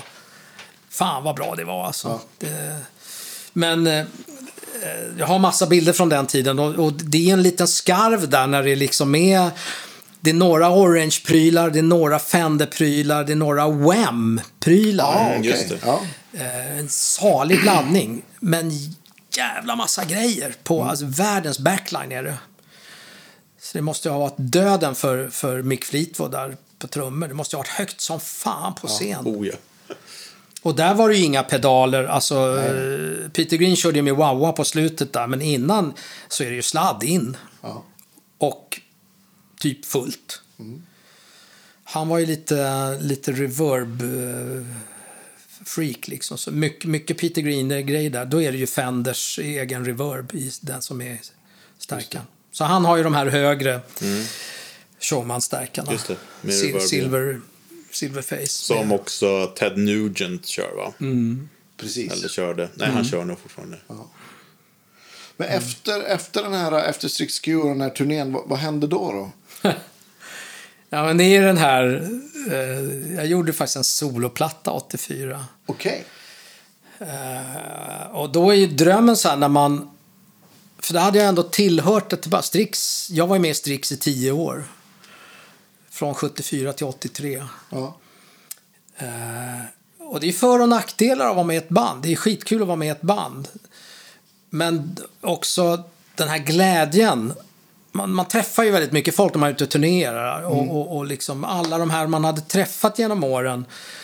Eh, och, och få ringa runt till dem. Så Pelle Alsing, Hasse Olsson. Ja. Eh, Anneli Rydé, eh, de här, liksom ringa dem och säga du jag ska göra en soloplatta, har du lust att vara med? Ja. Och få göra en, en platta med och få välja vilka musiker man vill ha med. Ja, det var ju helt nytt för mig. Jag hade ju bara spelat med, med samma killar liksom Ja, i tio visst. år. Så det görs en soloplatta som kommer ut på Polygram 84, 85 där. Och det görs, lite, det görs någon liten miniturné där också, promota. Men i ärlighetens namn så jag är nog liksom mer en, en, en av killarna i bandet än jag är artisten. Liksom. Eh, Men det var väldigt roligt att få göra det här. Vi hade skitkul när vi gjorde den här plattan. Eh, Och det finns faktiskt några hyggligt bra låtar. ja, kul. Finns den på Ja, på vinyl. Ja. Men den finns inte på Spotify eller Deezer utan då får man leta på i Skiva Skivbackarna. skivaffären. Ja. Jag, jag tänker på de här äh, ja, men, äh, gamla Strix Q och, och Uggla-turnéerna. Har du sett något av det på YouTube? Finns det något filmat Ja. utlagt? Ja, För det vore ju skitkul att dela tycker jag. Ja, det finns ju... Alltså det finns några klassiker där. Eh, Det är inte jättemycket som är filmat. Nej? Men vi gjorde ju... Häftig fredag hette ju ett program. Okej. Och det här måste ju vara 77. Och det är ju live, det är inte playback. Liksom. Det Nej. är ju live i studion. Då gör vi ju Varning på stan och, och Dörrslusk och eh, ja, några av de här låtarna från, från den eh, Vad ska man ta livet av sig för-plattan. Eh, där finns det klipp. Eh, alltid när det är något program om Uggla, eller där man ska liksom spela upp saker från förr, Ja. så är det de klippen. Ja, det. För att det gjordes inte så mycket annat. Sen vet jag att vi gjorde någonting ifrån Pildammsparken nere i Skåne där. 83-turnén finns också klipp. Eh, Så man kan nog söka på liksom Uggla 77 och Uggla 83 och sånt. Ja, och Strix då. Strix finns det nog också grejer där. Måndagsbörsen lär ju finnas. Ja, just det. Och sen gjorde vi väl Bälinge byfest, tror jag det hette. Någon, det är också, jag tror att det är samma redaktion som gjorde Måndagsbörsen. Eh, där gjorde vi också live-grejer. Och det som är roligt på den här tiden det är ju att när man gör tv så är det live. Det är inte playback, alltså det är på riktigt. Eh, så det låter ju som det låter och det, det är ju rätt mycket roligare Ja, verkligen. faktiskt. Det är som när man fortfarande hade liveband i, på Melodifestivalen. Ja, just det. exakt. Det var tider det. Och du gjorde soloplatta och så... så Men när, när Joyride, när var det då? Ja, men det är ju långt senare. Här...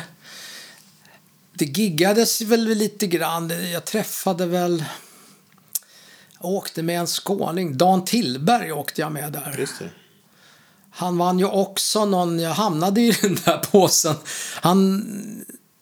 Eller han kanske inte ens vann. Han var med i slagfestivalen med Okej. någon Ta min hand. Okej. Vad fan kan det här vara då? Måste vara 80-tal. Ja. Någonstans. Ja, 85, någonstans där. 86 Ja, vi där. träffas på mitt skivbolag där som gav ut den här Dante-plattan. Eh, så vi ses uppe på Polygram. Och jag tror bara liksom att jag... Jag kände inte honom, men vi morsar på varandra och, och liksom så, här, och så säger jag bara... Så, ja, men om du behöver någon gitarrist någon gång så hör av dig. Och, och då gör han det sen. Då ska han ut på turné. Och, då, och, och som jag sa, jag var aldrig någon, någon liksom artistämne sådär. Eh, Jag var nog mera, trivdes mer att vara en i bandet liksom. Så det åktes med Tillberg, sen åkte jag med... Ja, men det är också en sån här grej. Jag hade gjort något gitarrpålägg på någon studio på Söder.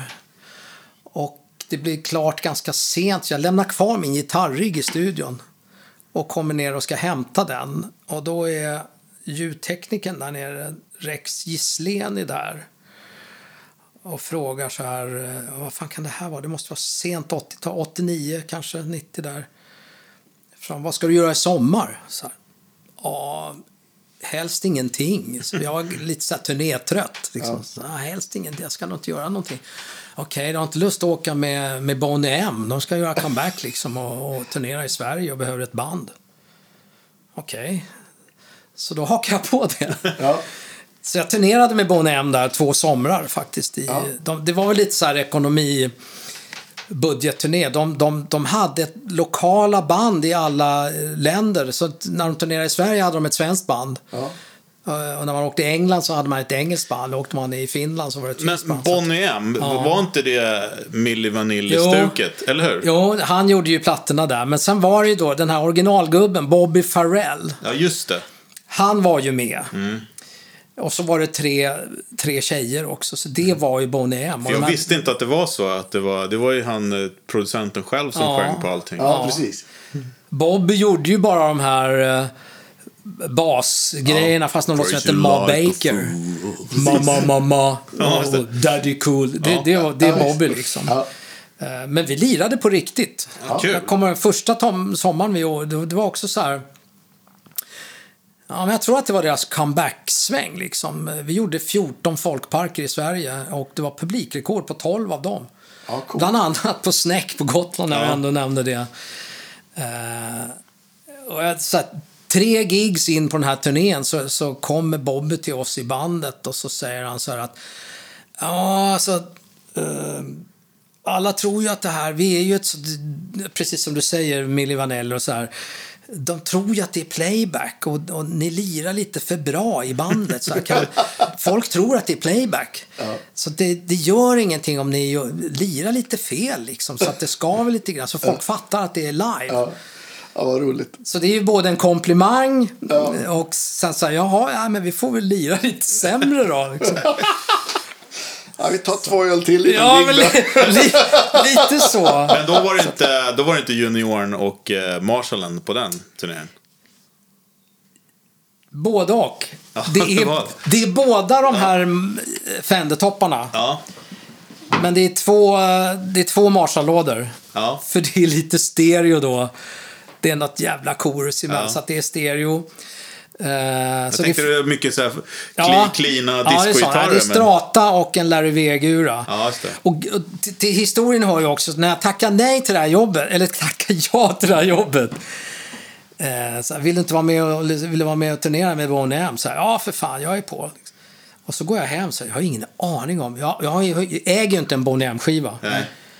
Hur fan lirar man sån här? För det är ju funkigt liksom. Mm. Ja, och, och, och rytmiskt.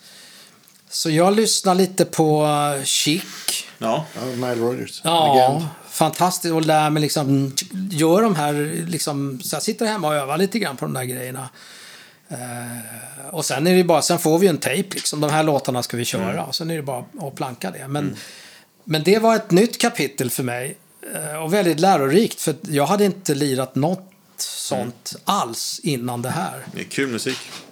Ja, men det var lite roligt. Jag, alltså, det där är inte min påse alls, ska jag erkänna. Men det är det här när man är ute och åker och får den här enorma uppskattningen som vi fick. Alltså, folk var ju galna. De kunde ju texterna på alla låtar. Eh, och det var ju, alltså, det var ju, ja, men det var ju publikrekord överallt. Då är det ju rätt kul att stå där på scen och vara med i, i den svängen. Liksom. Det, Och folk dansar också. Ja, det var jättepositivt liksom. Och, och Bobby var ju helt galen som, som snubbe. Det var ju skitroligt. Alltså, Ja. Helt galet positivt liksom. Så. Eh, ja, så att, ja. Och sen, eh, sen var vi väl, ja men sen var det ju det här med det när det började liksom giggen tog slut. Det var inte så mycket rock'n'roll. Det var mycket disco och vända plattor och, och så här. Och det är då man är tvungen att söka jobb Ja. genom Kulturarbetsförmedlingen. Så Joyride, jag var faktiskt med där i tio år tror jag. Mm. Jag började 97. Eh, och är med i tio år. Så det måste vara 97 till Men 2006. det är ett ganska stor, stort dansband ändå. Ja, men så här var det. De, de fanns ju innan jag kom med. Eh, och de var lite trötta på det här harvandet. Så de bestämde sig för om vi ska vara ett dansband, då ska vi fan vara bäst. Eh, då ska vi göra det här på riktigt och vi ska vara bäst. Och då är det en kille i bandet som inte riktigt vill kliva i och satsa liksom den grejen. Eh, så det är då de annonserar efter en gitarrist. Och jag har ingen aning om det här. Jag har aldrig spelat dansmusik heller. Nej. Liksom. Nej, för det är ju lite så här, nästan en parallell musikvärld till Ja. den andra liksom. Det är ju det, men jag... Jag, jag fick, vi, alltså vi kryssade ju i alla rutorna med Joyride. Vi, vi, eh, vi vann ju dansbands-SM, vi fick en, en eh, eh, guldskiva. Vi eh, knuffade ner Vikingarna från första platsen på Svensktoppen. Jag fick pris i Malung, där första året man delade ut Guldklaven så fick jag pris som årets gitarrist. Grymt. Eh, och, och även där, jag tror, inte, jag tror inte jag fick det här priset för att jag är liksom bättre än alla andra, men det är helt enkelt, jag visste inte hur man spelar dansbandsmusik, så jag gjorde ju som jag alltid har Ja. gjort. Med lite renare ljud bara liksom. Ja. Så jag körde mina vanliga chops där och, och jag tror att det, det blev ganska fräscht. Och mycket lapstil. Det är mycket lapstil och, och eh, som blev lite av vårat sound. Ja. Vad var det för sättning på bandet i övrigt? Var det, var det, var det klaviatur Ja, också? klaviatur. eh, och Han lirade även basen. Det är Ja. Ludde Olin heter han som lirade keyboard och, och lirade basen med vänsterhanden. Eh, Han är numera kapellmästare tror jag i det här Rolands Ah, eh, just det. skämt. Ro- Robert Gustafssons. Ja. eh, Ja, Ludde var fantastiskt att lira med. Det är en av de eh, mest musikaliska och, och roliga killar som jag har lirat med. Det var verkligen... eh, ja, jag lärde mig mycket där. Bara kasta sig ut på öppet, djupt vatten liksom. Och han bara... Att lira med Ludde, då visste man vart det tog vägen. Så det var bara att haka på. Kunde inte, alltså jag kunde ju inte en enda låt när vi började Ja. med Joyra. Jag kunde inte en enda av de där låtarna. Det, det var bara att, att plugga liksom och repa och, och haka på. Ljuga lite. Ja. Men det är, ganska, det är ganska många låtar också på en sån kväll. Ja, det är skit. Fan, man lirar i fyra timmar per kväll. Ja. Så det är långa arbetspass. Är Vad väldigt- hade du för, för, förutom, vad är det för lapstil förresten? Ja, men det är en gammal Gibson. En sån, jag tror att den heter BR9. Ja. En sån här eh, student model. Ja. Man har liksom ritat siffror i, i, eh, i greppbrädan. Ja. Och den, eh, alltså den är ju... Den är inte nyare än 50-tal. Det kan även vara 40-tal. Alltså, för det här är ju coolt. tidig. Det är den första... Bland de första elgitarrer som Gibson gjorde. Eh, Man sätter på en mikrofon på en planka och, och drar på ett par strängar. Det är ju liksom prototypen för elgitarren. Ja, visst. Den är jättetidig. Så att eh, Och hur, hur stämmer du den? jag kör öppet G. Ja. Så från, från tunna strängen D, B, G och sen... G, G, V, D, G. Ja, men det är G, samma igen. G, alltså dobro-stämning Ja, helt enkelt. ja. Ja. Och DBG, det är DBG. för att jag tycker att den är mest allround. Det går att göra ganska mycket grejer med den. Om man Mm. visst. Mm. slantar stålet lite grann så kan du göra lite fejkade moll grejer. Så, ja, men jag, den, eh, kör du öppet E eller så här som många slidesnubbar. Ja, du kör kanske mycket Ja, så. precis. Det blir väldigt bluesigt. Det blir väldigt... Exakt. Om, man, om det ska vara mer country eller Ja. så, då, då, är, då är den stämningen mycket bättre. Ja. Så det har bara blivit så. Jag kör öppet G på Dobron också. Ja. Ja, det har jag på min, min Ja. Square Neck också. Kör. jag. GBD, GBD. Så att så, så kör jag. Och, och gitarr, tele kanske? Ja, Eller? men då blev det tele. Uh, ja, det är egentligen ingen riktig Fender. Det är en... en Men det är den du har fortfarande? ja. Och då blev det lite B-bender på den. Ja, Så man kan köra lite pedal chops. Eh, en hipshot här Med, med stång. Och sen turneras det ju så stenhårt med det här bandet och det liras fyra timmar per kväll och vi tvingas spela när det är liksom nollgradigt i vissa lader och det där sliter rätt hårt på min kropp. Och det slutar med att ledbanden i vänsterarmen går av. och fy fan. Ja, jag vet helt när det här alltså jag, jag känner på mig när det här hände. Vi tvingades genomföra fyra timmars spelning i en lada där det fan var minusgrader. Eh, Det var minusgrader i logen också, så att liksom, det fanns ingenstans att värma sig. Och jag, jag, vet, jag kände när vi gjorde det här gigget att, att fan, det här det är, inte, inte bra. bra. Det händer någonting med min arm. Eh, men det är så här, vi kan inte, vi måste spela klart annars så blir vi ersättningsskyldiga och vi blir stämda och så här. Så vi är tvungna att genomföra det här gigget. Eh, och där någonstans börjar det, det är downhill from, from there liksom. Där händer någonting och det är någonting som går av i min arm. Fan vad läskigt. Ja, det är läskigt. Och sen efter det så börjar jag få väldigt, väldigt ont i min vänsterkarda liksom. Det, I själva handen alltså. Ja, det går av nere vid, precis i handleden och ovanför handen. Klo- Där klockan sitter. Där klockan sitter. Eh, där fattas det, när man tittar på röntgenplåtarna sen, eh, efter, långt efter det här, men när man tittar då fattas det liksom två centimeter av mina ledband. De har gått av. Det är bara, de, det är gone. Eh, och det gör jävligt ont. Så på slutet här med Joyride så Alltså jag, jag sitter och gråter i pausen för jag har så jävla ont. Men man, man kämpar på och, och försöker liksom genomföra. eh, Man vill ju inte ställa in och så här. Och det, där börjar jag laborera med lite öppna stämningar. Jag kan inte ta ackord längre för Ja, jag kan det. inte böja på fingrarna. Liksom. Det är ingenting som funkar i handen. Shit vad här. Men hur länge spelade du då det var så här?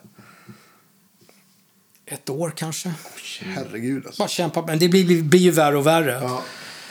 Eh, och sen på slutet då kan jag inte lira längre så jag tar in en vikarie då. eh, som, som sen det slutar med att han tar över efter mig i Joyride och sen, sen lägger de ner efter ett, ett tag efter det här. Men, Ja. men jag är tvungen att sluta för att jag, jag, det funkar inte. Nej. Eh, Men sen har jag turen att, att träffa en bra kirurg som är specialiserad på den här typen av skador. Eh, Så han eh, tar fram röntgenplåtarna och tittar på det här och syr ihop det här. Men vägen tillbaks, jag är konvalescent liksom i fem år. Shit alltså. Och spelar i princip inte någon gitarr alls på fem år.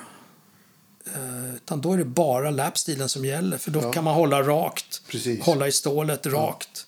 Och det är det enda jag kan. Jag kan inte böja på armen. Alltså nerver och allting är helt förtvinade. Det är, liksom, det är helt borta. Och då, alltså, så det är liksom det är rehab då för att få igång, Ja. få allt att vakna igen helt De enkelt. syr ihop det där och sen var jag gipsad ifrån armhålan och hela vägen ner till fingrarna. Liksom i, hade gips i flera månader. Liksom. Och när du tar bort det här gipset sen, då Ja, det är är... inget mycket muskler kvar då. Ja, du, det finns ingenting kvar. Nerver och muskler och allting är borta. Du måste börja från noll. Det är som att vara nyfödd. Ja, vilken mardröm alltså. Ja. Som gitarrist. Ja. Det måste vara jävligt tufft. Ja, jag grät ju. Jag var ju Ja, jag superdeppig. Jag- jag- alltså, jag var suicidal. Jag var Jag, alltså, jag blir helt rörd bara att, prata om det. Shit Ja, alltså. Jag, jag kan inte ens tänka mig en sån grej. Jag tror inte de förstod det här i det här bandet heller, Joyra. Jag Nej. tror inte de förstod hur risig jag var. Eh, för att jag har inte hört av dem sen jag slutade. Liksom. De, det är ingen som har ringt och frågat hur man mår. Eller Ja, liksom. konstigt alltså. Ja, Om ni jobbade liksom så tätt i, jobbade under så tio många år. år. Ja, jag, tror, att- jag tror att de kände att jag gav, lämnade dem i sticket. Liksom, så här, men men eh, jag höll ju på att gå i bitar. Jag, var Du gick i bitar. jag gick i bitar. Bokstavligt talat. Ja, fy fan. Så att det, det tog väldigt lång tid innan jag kunde spela igen. Eh, sen började Roger Holegård tjata på mig. Så vi spelade badminton lite grann och, och han var lite sugen på att liksom starta någonting igen. Fan Dante, ska vi inte göra ett avtryck till innan vi går i pension? Så, Ja. Nej, fan jag är färdig. Jag orkar inte. Jag är färdig med det här. Eh, Men Roger är ju smart. Han, han eh, fixar en replokal. Och så, ah, vad fan, du kan väl komma ner och lira lite. Så. Ja. Ja, så jag bar ner mina grejer och så började vi lira och så kom det ner någon trummis och så hittade vi någon basist och så blev det Future Elephants liksom. Ja. Det var, jag hade inte den, Roger hade säkert det här målet Ja. liksom från början. Eh, Så han mer eller mindre lurade ner mig på det här. Och, och så. Och sen, Bra gjort. Ja, bra gjort. Och sen fick vi ner en trummis som var väldigt rolig att lira med. Och, och det började växa fram. Men jag, jag måste erkänna, jag spelade inte så jävla bra när vi började där. För att jag hade inte lirat på fem år. Eh, så det här är liksom början, vägen tillbaks Ja, för mig. Och det här, nu är vi liksom 2013. Jag gissar att det är massa psykiska spärrar också. Även Ja, om det är helt och funkar Ja. så blir man ju rädd. Ja, det är som man har Exakt. åkt skidor och bryter benet. Liksom. Det sitter ju i. Liksom. Men där någonstans så börjar det och sen så övar man så tycker man fan det här är rätt kul.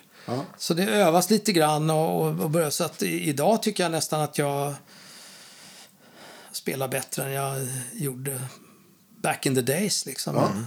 Det, det Mycket gör du också för garanterat. att, ja, men mycket, mycket tror jag också beror på att sen 2013 så spelas det bara för att det är roligt. Ja. Det finns ingen skivbolag, eller vi har ju ett skivbolag, men det finns inte någon, någon, eh, någon Johan Langer som sitter där och säger ah, vi måste, vi måste, det finns ingen singel här, vi måste hitta en singel och vi måste göra det och vi måste göra det. det. Det finns inte den pressen. Vi gör ju bara det här för att det är roligt. Ja. Det pratas inte singlar överhuvudtaget liksom, utan vi gör album, vi gör LP-skivor. Nu gjorde, släppte vi i och för sig en singel från sista plattan sådär, men, men, eh, ja, men det är inte den pressen. Kul. Så det är skönt på något vis att man är att man är tillbaks. Ja. För när man börjar spela, när Johan Wallin frågade mig där 1970, eh, vill du vara med i mitt band? Så ville jag ju det av en enda anledning. för att jag trodde att det skulle bli kul. Ja, Och för att det är kul att spela. ja men visst. Och nu idag så är jag med i ett band eh, för att det är så kul att spela. Cirkeln slut. Ja, men det är ja, faktiskt. Men, men eh, så kul också att du behöll dina grejer på något sätt. Mm. För att det hade troligtvis varit, varit lite skillnad om du skulle liksom ut och köpa en ny gitarr och sådana Mm. saker. Nu är liksom... Det är också någon psykologisk eh, trygghet. Att, Ja, men det är ju så. Men Esken har ju varit Ja, borta. men visst. den var ju borta i åtta år. ja. Jag köpte ju tillbaks den av Olle Zimmerman. Tack Olle för att du sålde tillbaks den. Eh, En kille från Örebro som köpte den och sen så gick det åtta år och sen Mm. köpte jag tillbaks den. Men köpte du tillbaka den nu då 2013? Nej, för fan, det är tidigare. Ja, men jag menar det. Det är men- mycket tidigare. Det är kanske 90-tal. Ja, ja just det. Ja, för att den var ju med... Ja. Säga, jag kommer faktiskt inte ihåg, men den var ju med på 83-turnén med Uggla. Den kan ha sålts efter det. Och sen var det borta i, i åtta år. Ja, för jag menar det här nu, nu när du gjorde comeback, om man får använda det uttrycket. Eller, Mm. Att du har en trygghet i att du har ditt sound och Mm. hit och dit och behöver inte tänka på det. Det måste ju också vara ganska skönt. Ja, det är skönt. Men För en, normal reaktion man hamnar i den situationen som du är. Det gör sig av med allt. Ja. För att det också tynger ner en, såklart. Jag har ju sålt, jag har ju haft massa gamla Les Pauler och en gammal Strata och lite sånt där. Och allt sånt är ju borta. Men det är också lite grann för att eh, de gitarrerna inte användes. Eh, Esken är ju fantastiskt lätt. Ja. Det är ju en, en junior, den är ju tunn. Det är minimalt med tre på en Eske. Ja. Och det är en mick och det är ingen lullull. Liksom. Den, den väger ju inte mer än tre kilo tror jag. Alltså, så den är ju rätt skön att ha. Nej, en kanon. Ja, men, ja, det är. 90-talet var ju någon så här årtionde som försvann på något vis. Och alla skulle ha hockeyfrilla. Eh, och även jag, för jag var, klippte mig hos en, en, en, en tjej då som eh, var frisörska och hon, man, man klippte sig hemma hos henne. Så, och jag är arbetslös, eller ja, between gigs som det Ja. heter. Så jag är där och klipper mig och sen så står hon och klipper. Och hennes pojkvän är då kapellmästare för ett band som heter Kaosorkestern, som är från Eskilstuna. Eh, och då står hon och klipper mig och så säger hon så här. Ja men Dante, du, du, som, eh, du som håller på med musik, så här, känner du någon bra gitarrist? Och då tittar jag tillbaks på henne genom spegeln och så säger jag, men du Helene, känner du någon bra frisör? Bra motfråga. Mycket. Och då säger han, åh förlåt, jag, men. Och då är det så här, ja, men, och det, och det kan ju vara en nackdel. Hon visste ju då att jag hade spelat med Uggla eh, och varit ute med alla de här... Eh, ja, ja, men Dan Tillberg var säkert liksom i ropet då också. Så, här. så hon, tror, hon, hon tror inte att jag är ledig. Nej. Så, alltså, så Det här. där är en Jag tror klassiker. på Ja, men det är en en, en klassiker. annan nivå liksom. Ehm, så säger jag, ja men gud, ja, för, och förlåt, jag, jag tro- trodde inte du var ledig liksom så här. Ja men vad, vad vill du då? Vad är det? Nej men eh, min- min kille har ett band som heter Kaosorkestern och de, de letar ny gitarrist. Fan, ring. Säg att du har hittat en. och då gör hon det. Jag tror fast hon ringer medan jag sitter kvar i stolen liksom. Så här, ja, jag hittade Dante, han har spelat med Uggla och så här. Och det har ju säga vad man vill liksom, men det har ju faktiskt varit min ticket in på rätt många grejer. Ja, men såklart. Ja, men fast det är inte bara för att du spelar med Nej. Uggla. Det är ju för att du gjorde det bra också. Ja, Ja, jo men men... såklart. Ja, lite så. Nisse har inte spelat så många band efter Uggla. Förlåt, nyss. Jag skojar bara. Ja, det är lite kul. Jag, jag ögnade ju... Uggla gav ut någon bok där. Där han skriver att Dante var förmodligen den bästa musikern i bandet. Men han var förjävlig också för han hånade de andra när de spelade fel. Det var alltså bandets James Brown. Alltså. Nej, men jag, och då är det så här. Jag minns inte att det var så. Nej. Jag, jag minns inte, det, är verkligen, det var verkligen inte min mening att håna andra, men jag kan ju också ha sagt till Nysses när han lirar liksom fel eh, för tionde gången så här, men för fan Nysse, hur svårt kan det vara? Det, det, det kan jag faktiskt ha sagt. Men, men... Det eh, säger man ju till en polare Ja, om det men händer. lite ja. så här. eh, Broderlig kärlek. Ja. Ja, det är broderlig kärlek. Men, men det, ja, det var ett sidospår. Men då i alla fall eh, får jag då komma... Jag tror inte att det är audition där heller. Jag tar med mig guran bara och åker till Eskilstuna. Ja. Och är då med i det här bandet som heter Karlsorkestern. Jag kommer inte ihåg hur många år vi håller på, men det, det är ju någonstans där i mitten på 90-talet. Men var det, var det egen musik eller var det Nej, covers? vi åkte ju med, det är ju det bandet som är med eh, Janne Johansen. Ja, eller hur? När, när gubben kräks i publiken. Eh, så vi lirade med Kurt Olsson, Siw Malmqvist, eh, Ove Törnqvist. För det var väl lite samma veva som Gaston där, liksom, när det var de här lite större, alltså väldigt, väldigt kä- smalare än tår. Ja, men det var ju liksom coverbandens liksom glory days på något vis. Ja, det var det. Och det var ju ett, ett ganska stort band. Alltså, vi hade ju två tjejer, jag ska inte säga att det var körbrudar, för det var det verkligen inte. Vi hade två leadbrudar och en manlig leadsångare. Och så var det sax och trumpet, gura, keyboard. Så Riktigt ganska partyband stort band. alltså. Ja, par, ja, ett jävla bra partyband. Eh, Bandet är halva partyt. Ja. Ja, vissa många. gig där i början så var vi säkert fler på scen än Ja. var i publiken. Så, så var det nog. Eh, Men det var skitroligt band att vara med i. Ja, kul. Ja, eh, och där, ja men vi gjorde mycket, det var mycket sådana här julshower, företagsgigs. Det roliga är att vi, eh, den roligaste artist som jag har turnerat med, tror jag, eh, nu finns han inte heller bland oss, det, det var ju Lasse Brandeby, Kurt Olsson. Ja. Då hade, vi körde väl tio låtar eller något sånt där med honom. Bara Siw Malmkvist Ja. låtar. Bara. Det var alla de här Väska i grönt och Flickor bak i bilen. De här. I originaltonart. Så sen när vi turnerade med, med Siw Malmkvist. Då är det samma låtar. I samma tonart. Fantastiskt. Det är helt otroligt. Liksom. Så Kurtan körde ju de där. Eh, i, i... Men Kurtan var ju, eller Lasse liksom, eh, backstage, eh, liksom efter gigget, när, när man sitter i logen. Och, och eh, det är då han är som roligast. Han var rolig på scen också, men, men eh, fantastisk, varm, rolig, skön människa.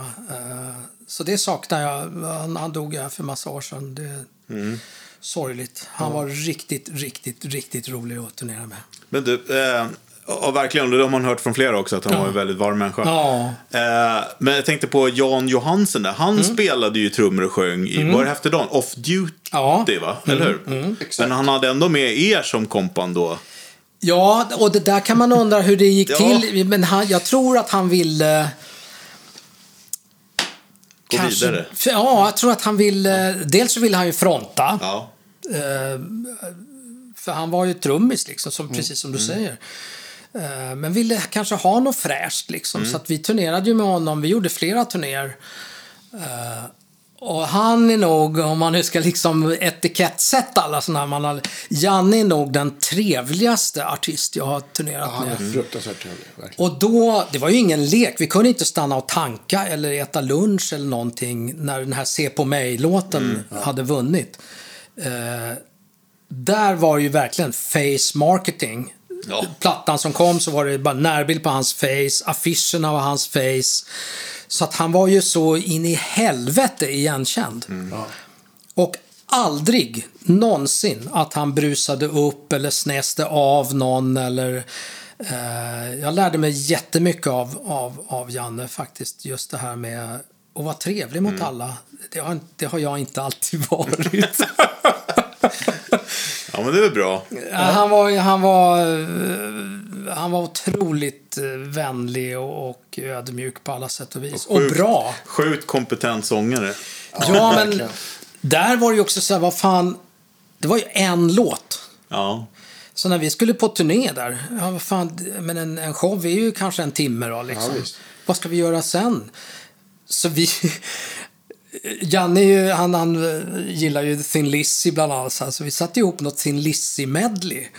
Och du vet, man lirar i, i liksom Parken Zoo i Eskilstuna med, m- mitt på eftermiddagen, mm. matinéföreställning. Och, och Schlagerpublikerna där. Ja, de är mellan 3 och 87 år, de som står där. Och vi drar igång något jävla Thin, Lizzy-medley, va.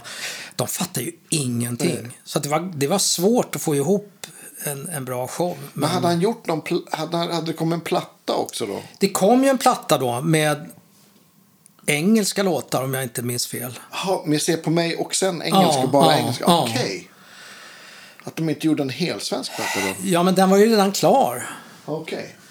Ja, jag förstår. Okej. Den var ju redan klar. Så att, eh, och den där storyn är också lite kul hur, hur det blev Janne som gjorde... Om du lyssnar nu Janne så hoppas jag att jag minns rätt. Eh, men jag säger så här. Så här minns jag det. Ja. Det var ju Bobby och Håkan som skrev låten. Ja.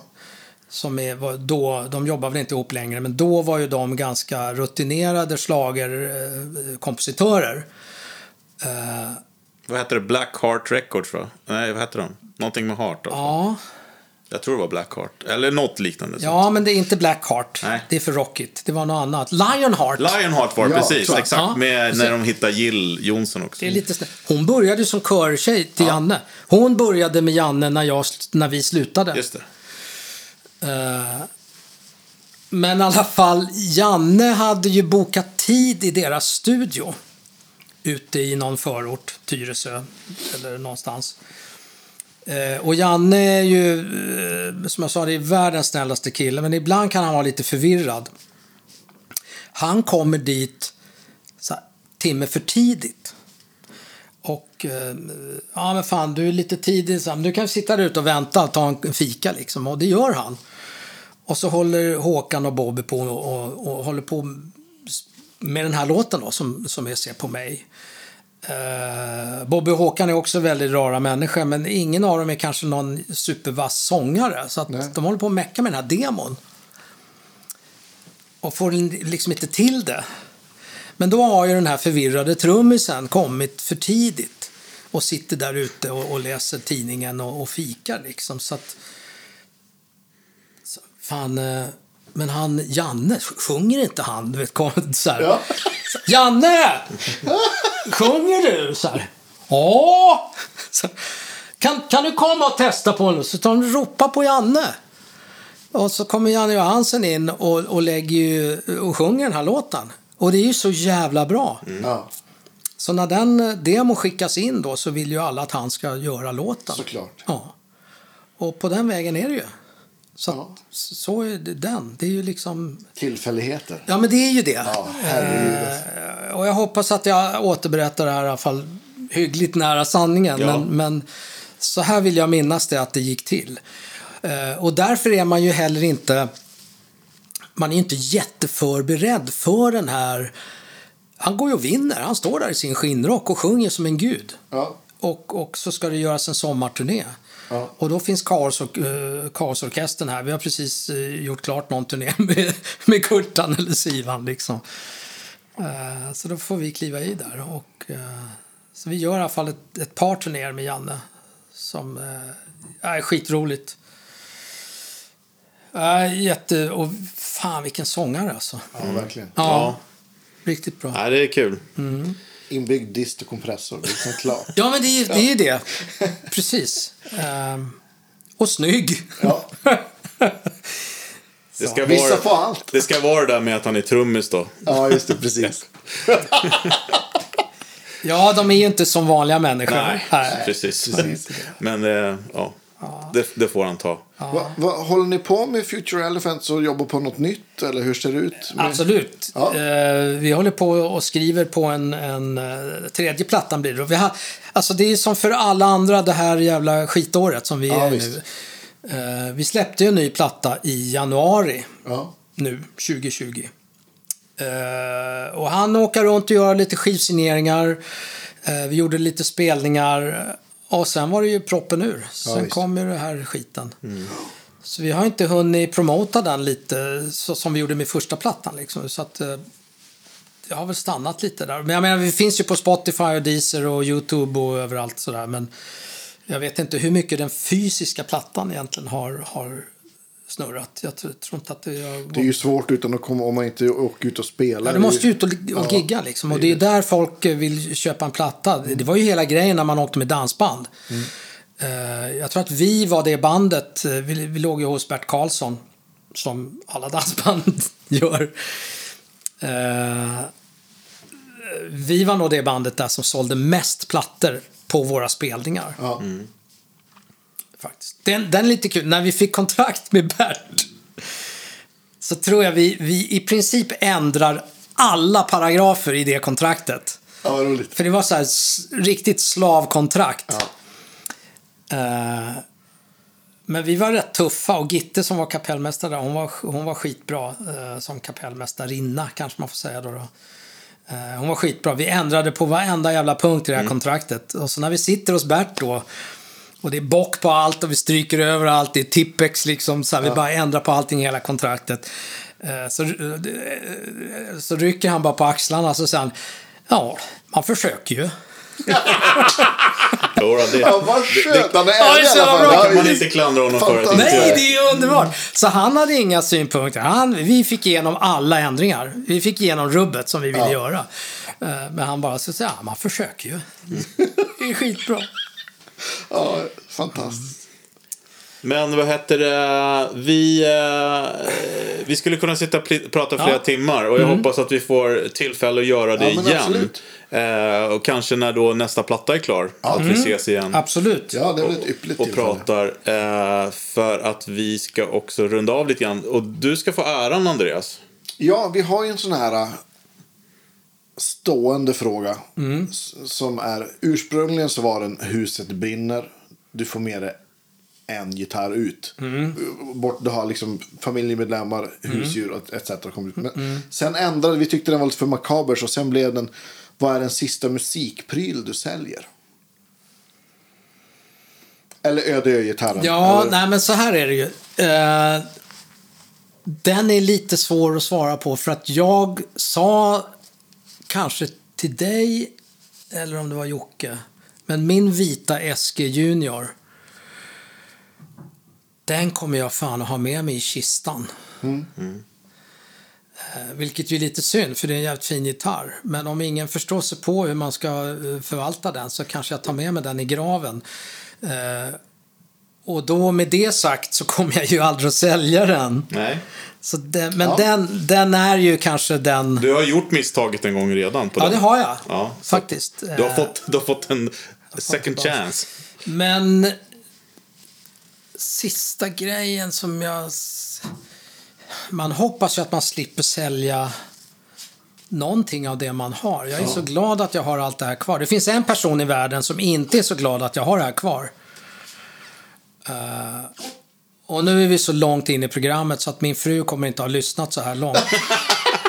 jag kan säga, det är Kiki. Hon, hon hatar ju att jag har alla de här grejerna kvar. För att det, Ta plats. Ja, Ja. det gör ju det. Det tar ju en jävla plats. Det är inte kul att ha en 412 och ett Leslie i sovrummet. Liksom. Det...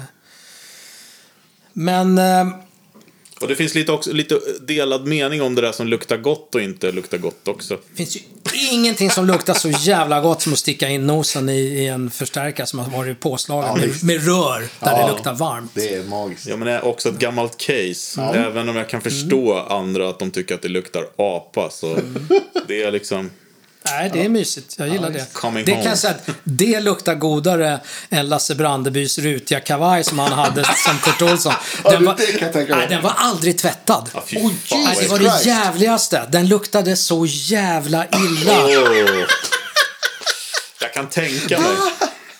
Och det var ju lite så här, menar, det var ju en grej också att den inte Ja. skulle Ja, tvättas. men visst. det, det var en liten grej. Ja. Men jag skulle vilja säga så här. Alltså, jag är ju glad att jag har sparat de här gitarrerna som jag har kvar. Eh, Men nästan ännu mer glad att jag har sparat de här förstärkarna. För i min lilla värld så är det lättare nästan idag. Jag menar, det, det som vi berörde ämnet förut här. Det, även billiga gitarrer idag är ju ganska hyggliga gitarrer. Verkligen. Så att jag skulle vilja påstå att det är lättare att få tag i en bra spelbar gitarr än att få tag i en, en bra förstärkare som låter som det ideal som jag har. Jag vill ju ha det här gamla rörljudet. Eh, Så att jag är glad att jag har kvar min GA30, min Gibson Ranger, min Fender Deluxe Reverb och mina Dual Showmans. Den här Marshall-lådan. Alltså de här grejerna, det görs inte sånt längre. Det, alltså, Marshall-lådan är nog... Det, alltså, det går inte att få tag i en sån. Men sen är det också alla de där grejerna som du nämner. är inte direkt konsekventa byggen heller. Så att det, handlar ju om, det handlar ju inte bara om att hitta en stark från Nej. 64 Nej, utan det det handlar om att hitta den förstärkaren från 64. Exakt. Så att eh, även om du skulle bli av med allt det där och det fanns Mm. att köpa igen så är det så här, nej. Det, var är- one of a kind. Ja, så är det ju. Så är det ju. Precis. Så är det ju, men... eh, Och, och vi har ju också haft förmånen att träffa väldigt många. Vi brukar prata om det där med om välja en bra förstärkare eller en bra gitarr. Så för, för ljudmässigt Mm. så är ju en bättre förstärkare bättre att lägga pengarna på än, Ja.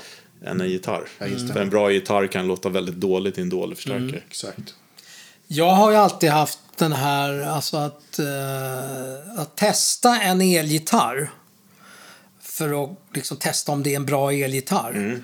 Det bästa sättet att göra det på, det är ju att inte koppla in den. Ja, visst. Om du drar ett ackord på den liksom och känner hur guran ringer i trät och liksom det. Om det inte ringer, då kommer det aldrig att bli bättre när du kopplar in den. Eller oavsett vad du byter till för mick, någon jävla Texas special eller någon, du vet, någon så här. Mm. Det spelar ingen roll. Om inte guran i sig ringer bra, då kommer det aldrig att bli bra. Nej, och, och jag ska också säga så, här, så att inte folk som lyssnar blir upprörda när jag säger att en dålig gitarr bättre lägga pengar på en bra förstärkare. Mm. Då förutsätter jag ju att man har en gitarr som man gillar att Ja. spela Ja, på. men precis. Alltså, och eh, det är klart, ha- har du en gura som du har i 30 år Mm. och lär den ut och innan så är det klart att den blir ju ovärderlig. Mm. Men ändå så är det ljudmässigt Exakt. så är det bättre att lägga pengarna på en bra förstärkare. Kul när du säger det när man har växt ihop med, med, med sin gitarr i 30 år. Jag har ju växt ihop med min i 30 plus. Liksom. Men där har en... Jag tappade en gång en, en SM58 eh, på halsen på, på min SG Junior.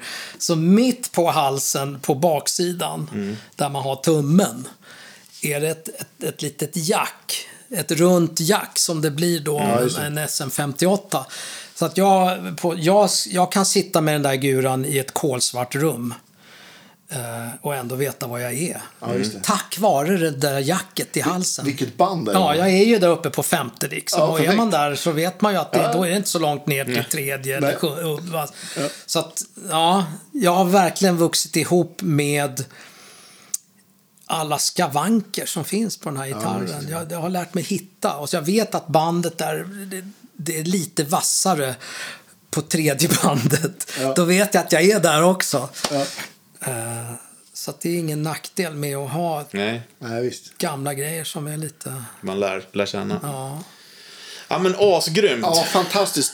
Tack så jättemycket tack. för att du var med. Ja, Ja. jätte, jättekul. Och vi ska också tacka alla våra Patreons och kaffe och muggköpare. Och eh, även Gigger då en gång till som eh, sponsrar det här avsnittet. Precis, dagens avsnitt sponsras av Gigger. Mm. Och de hittar man på gigger.se. Exakt. Fakturering utan krångel. ja, Ja, exakt. bra. Stort tack för idag. Vi hörs eh, nästa vecka. Jag måste säga att nöjet är helt på min sida. Ja, roligt, tack så jättemycket. Underbart. Ja, på, på återhörande. Ja, bra. på återhörande. Hej. Tack. Hej då. Ja, Hej, hej. hej. Hej alla lyssnare.